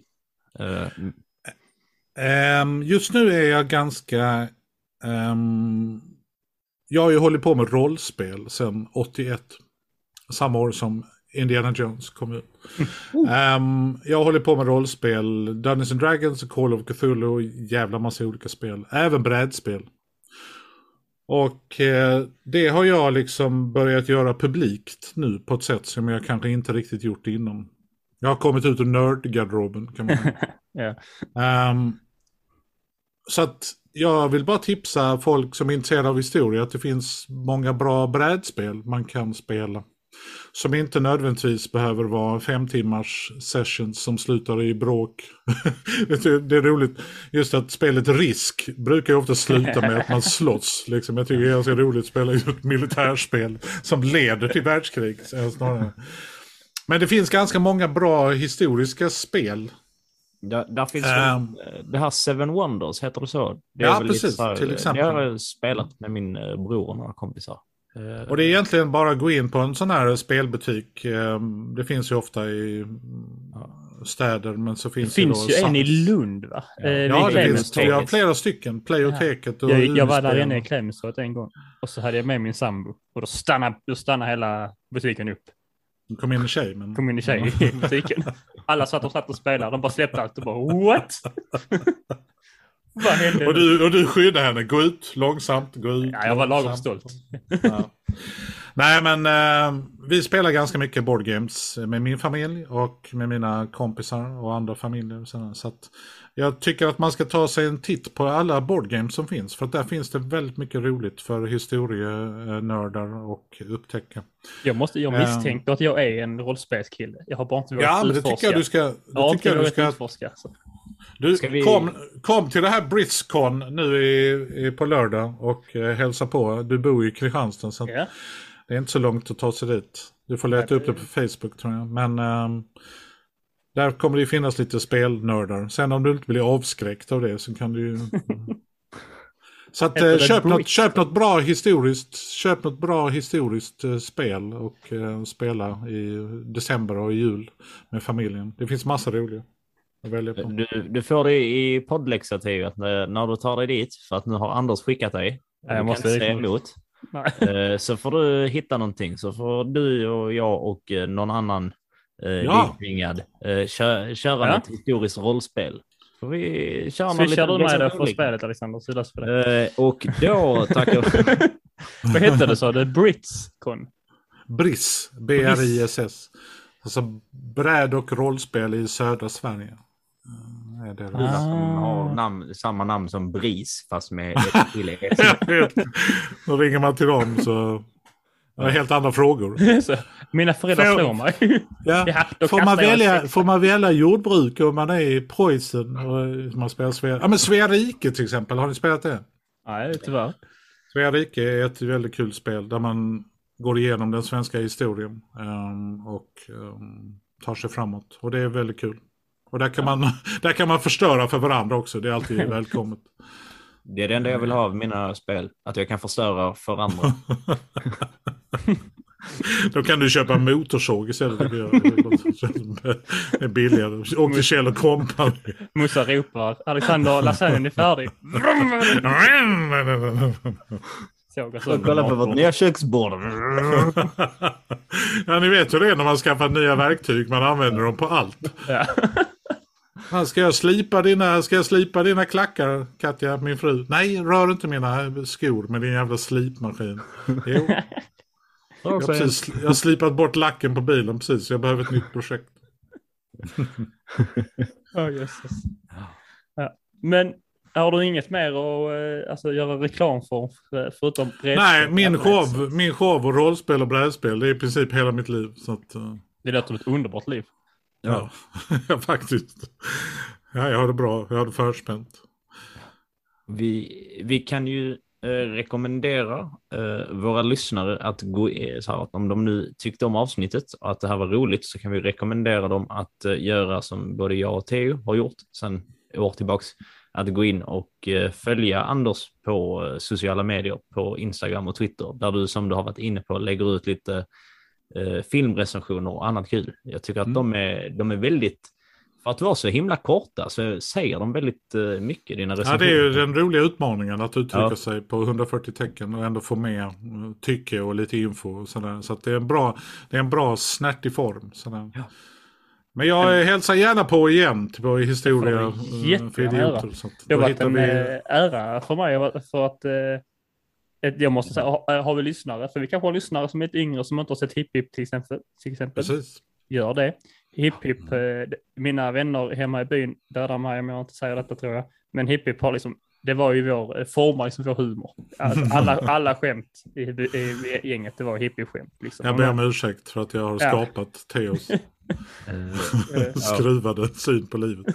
Vi, eh, ja, men jag tror både jag och Theo har ju så bondat över alltså just humor. Och det här är väl lite så här eh, infotainment humor slash historiepodd. Där vi väl lite Mm. narrar historia emellanåt i våra sketcher. Så att jag är också uppvuxen. Jag kommer ihåg det första, alltså så minnet av egentligen så här DVD-er eh, som jag kommer ihåg var att vi hade den här eh, orangea Boxen, ja, med säsong 1 och 2. Och Mm.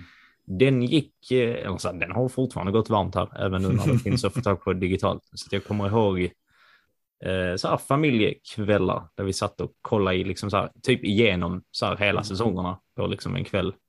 Och så här, man Fantastiskt. upp mycket. Och, eh, så här, nu är det roligt att kolla när man är vuxen, för att nu fattar man ju skämten också. Men Ja.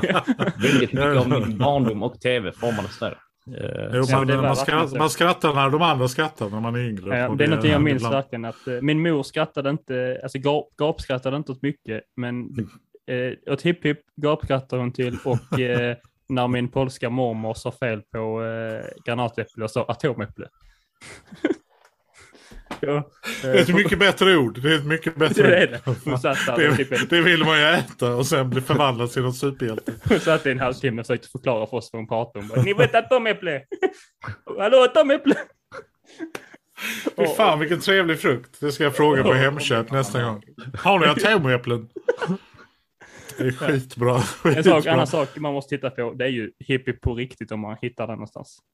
Föreställningen. Den följde med mig varmt. Det var ju ändå Det var eh, imponerande. min, eh, så min storebror, han är äldre än mig, som storebröder oftast brukar vara eh, i väldigt många fall. Eh, att det var hans första sån, eh, show han fick gå på. Oj.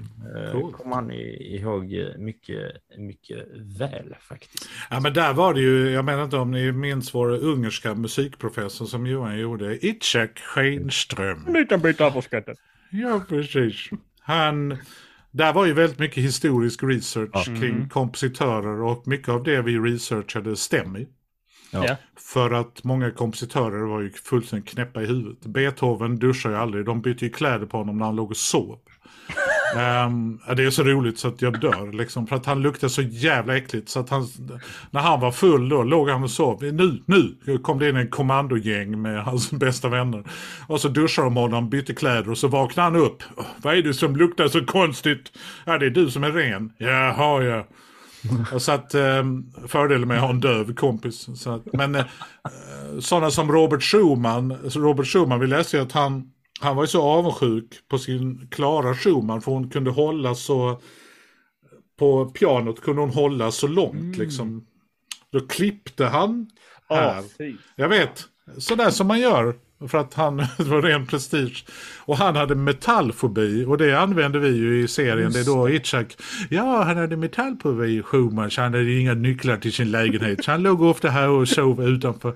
Och allt är liksom baserat, allt är baserat i verkligheten. Så att det var liksom, om man ska titta på hippiebränd källkritik så är det liksom 80%, 80 som stämmer och 20% nej, det där, det där stämmer inte. Men det gäller att hitta dem. Så att mycket, mycket från historia och att läsa böcker och sånt, mycket av det hu- humorn finns redan här från början. Liksom. Ja. Sen ska man bara liksom plocka ut eh, Det är lite det eh, liksom som vi försöker göra med podden. Att ta, det Ja, är ju så mycket skojsigt med humorn. Eh, Väldigt sen, mycket Sen gör ju inte vi det ens i närheten på samma eh, nivå som ni gör. Och, eh, Nej, nej, men det, är liksom, det går ju att hitta Men det är humor bara- överallt. Liksom. Ja, men verkligen. Har man den linsen på ögat så går det ju att hitta humor i de mest brutala världskrigen. Sen ska jag faktiskt villigt erkänna att ibland kommer jag med lite så roliga quirks, eh, anekdoter och sånt. Vissa av dem kanske är stulna från intresseklubben. Jaha, ja, ja. Kan, kanske. Kanske. gör inget. Så gör vill, ingenting. vill ni lära er någonting? eh, Intresseklubben finns det säkert att hitta någonstans. Eh, Det är ju den svenska var- varianten av QI. Och där, alltså där får man ju lära sig nördig kunskap. Och det älskar jag. Det är det. Och det bästa med intresseklubben var ju att vi som var gäster visste ingenting. Nej. Och det läget är mycket roligare tycker jag. För att då, eh, alltså om man jämför med parlamentet, där får man ju möjlighet att förbereda sig ganska mycket. Om man är med i parlamentet. Mm.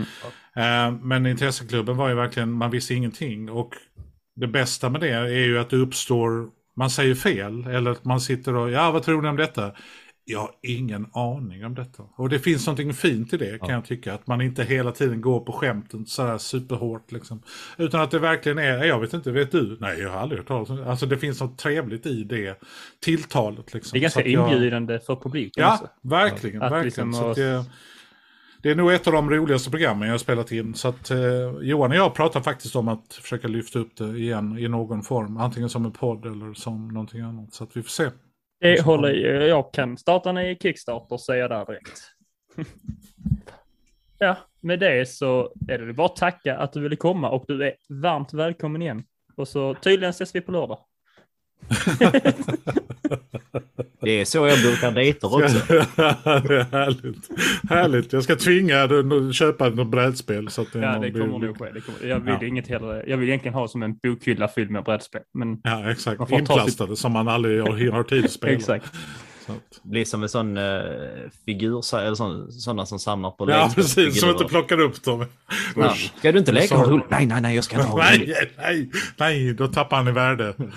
Vet vad? när, vet har, man sett, har man sett Toy Story så kan man ju inte titta på leksaker på samma sätt. Utan De vill ju bara att du ska plocka ut dem.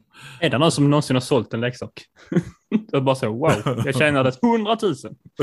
bara, nej. Ja, precis. Nej, de har dem bara. Det är bara att man har dem. Jag vill ha dem. Jag ska ha allihopa. Jag ska ha dem. I sina små plastfängelser. Nej, herregud. Ja, men stort tack för att jag fick vara med. Och som sagt, jag tycker vi hörs igen. Och så pratar vi om någonting annat. Det tycker jag också att vi gör. Vi är väldigt glada. Eh, barnsligt glada. Exakt lika glada som barnen på Malmöfestivalen när de får en sån där fin poliströja eh, av att ha dig här. Eh, ett, ett av våra stora milstolpar. Vår första stora milstolpe, Theo. Att, eh, underbart, få, underbart. Så att vi är väldigt glada och tacksamma. Och eh, som sagt, ni som har lyssnat ett tag, ni vet att ni ska gå in och följa ät historia for idioter på Instagram. Där är vi som eh, roligast och mest aktiva. Och när man ändå är i farten och går in och följer folk så går man också in och eh, följer Anders. Och mm -hmm. det heter väl Anders Jansson. Det bör väl dyka upp ganska... Med en trea va? Med en trea istället för ett. Det är en riktig farsa på stan-varning. Men ja, det är det jag heter. Man hittar yes. nog mig. Sök på komiker Arsenal så hittar du mig. Kommer tränaren upp. Kommer ha Petras ansikte upp. Riktig komiker den. Uh, ja, och uh, sen så får man hålla utkik på dig och uh, så här, dina projekt och den här uh, showen. så hörs vi snart igen här i podden. Och till lyssnarna så säger vi våra bevingade ord. Tack för att ni lyssnat. Kul att vara lyssnad och kom ihåg att all historia är värd att snacka om och att tramsas om. Hej då! Hej då!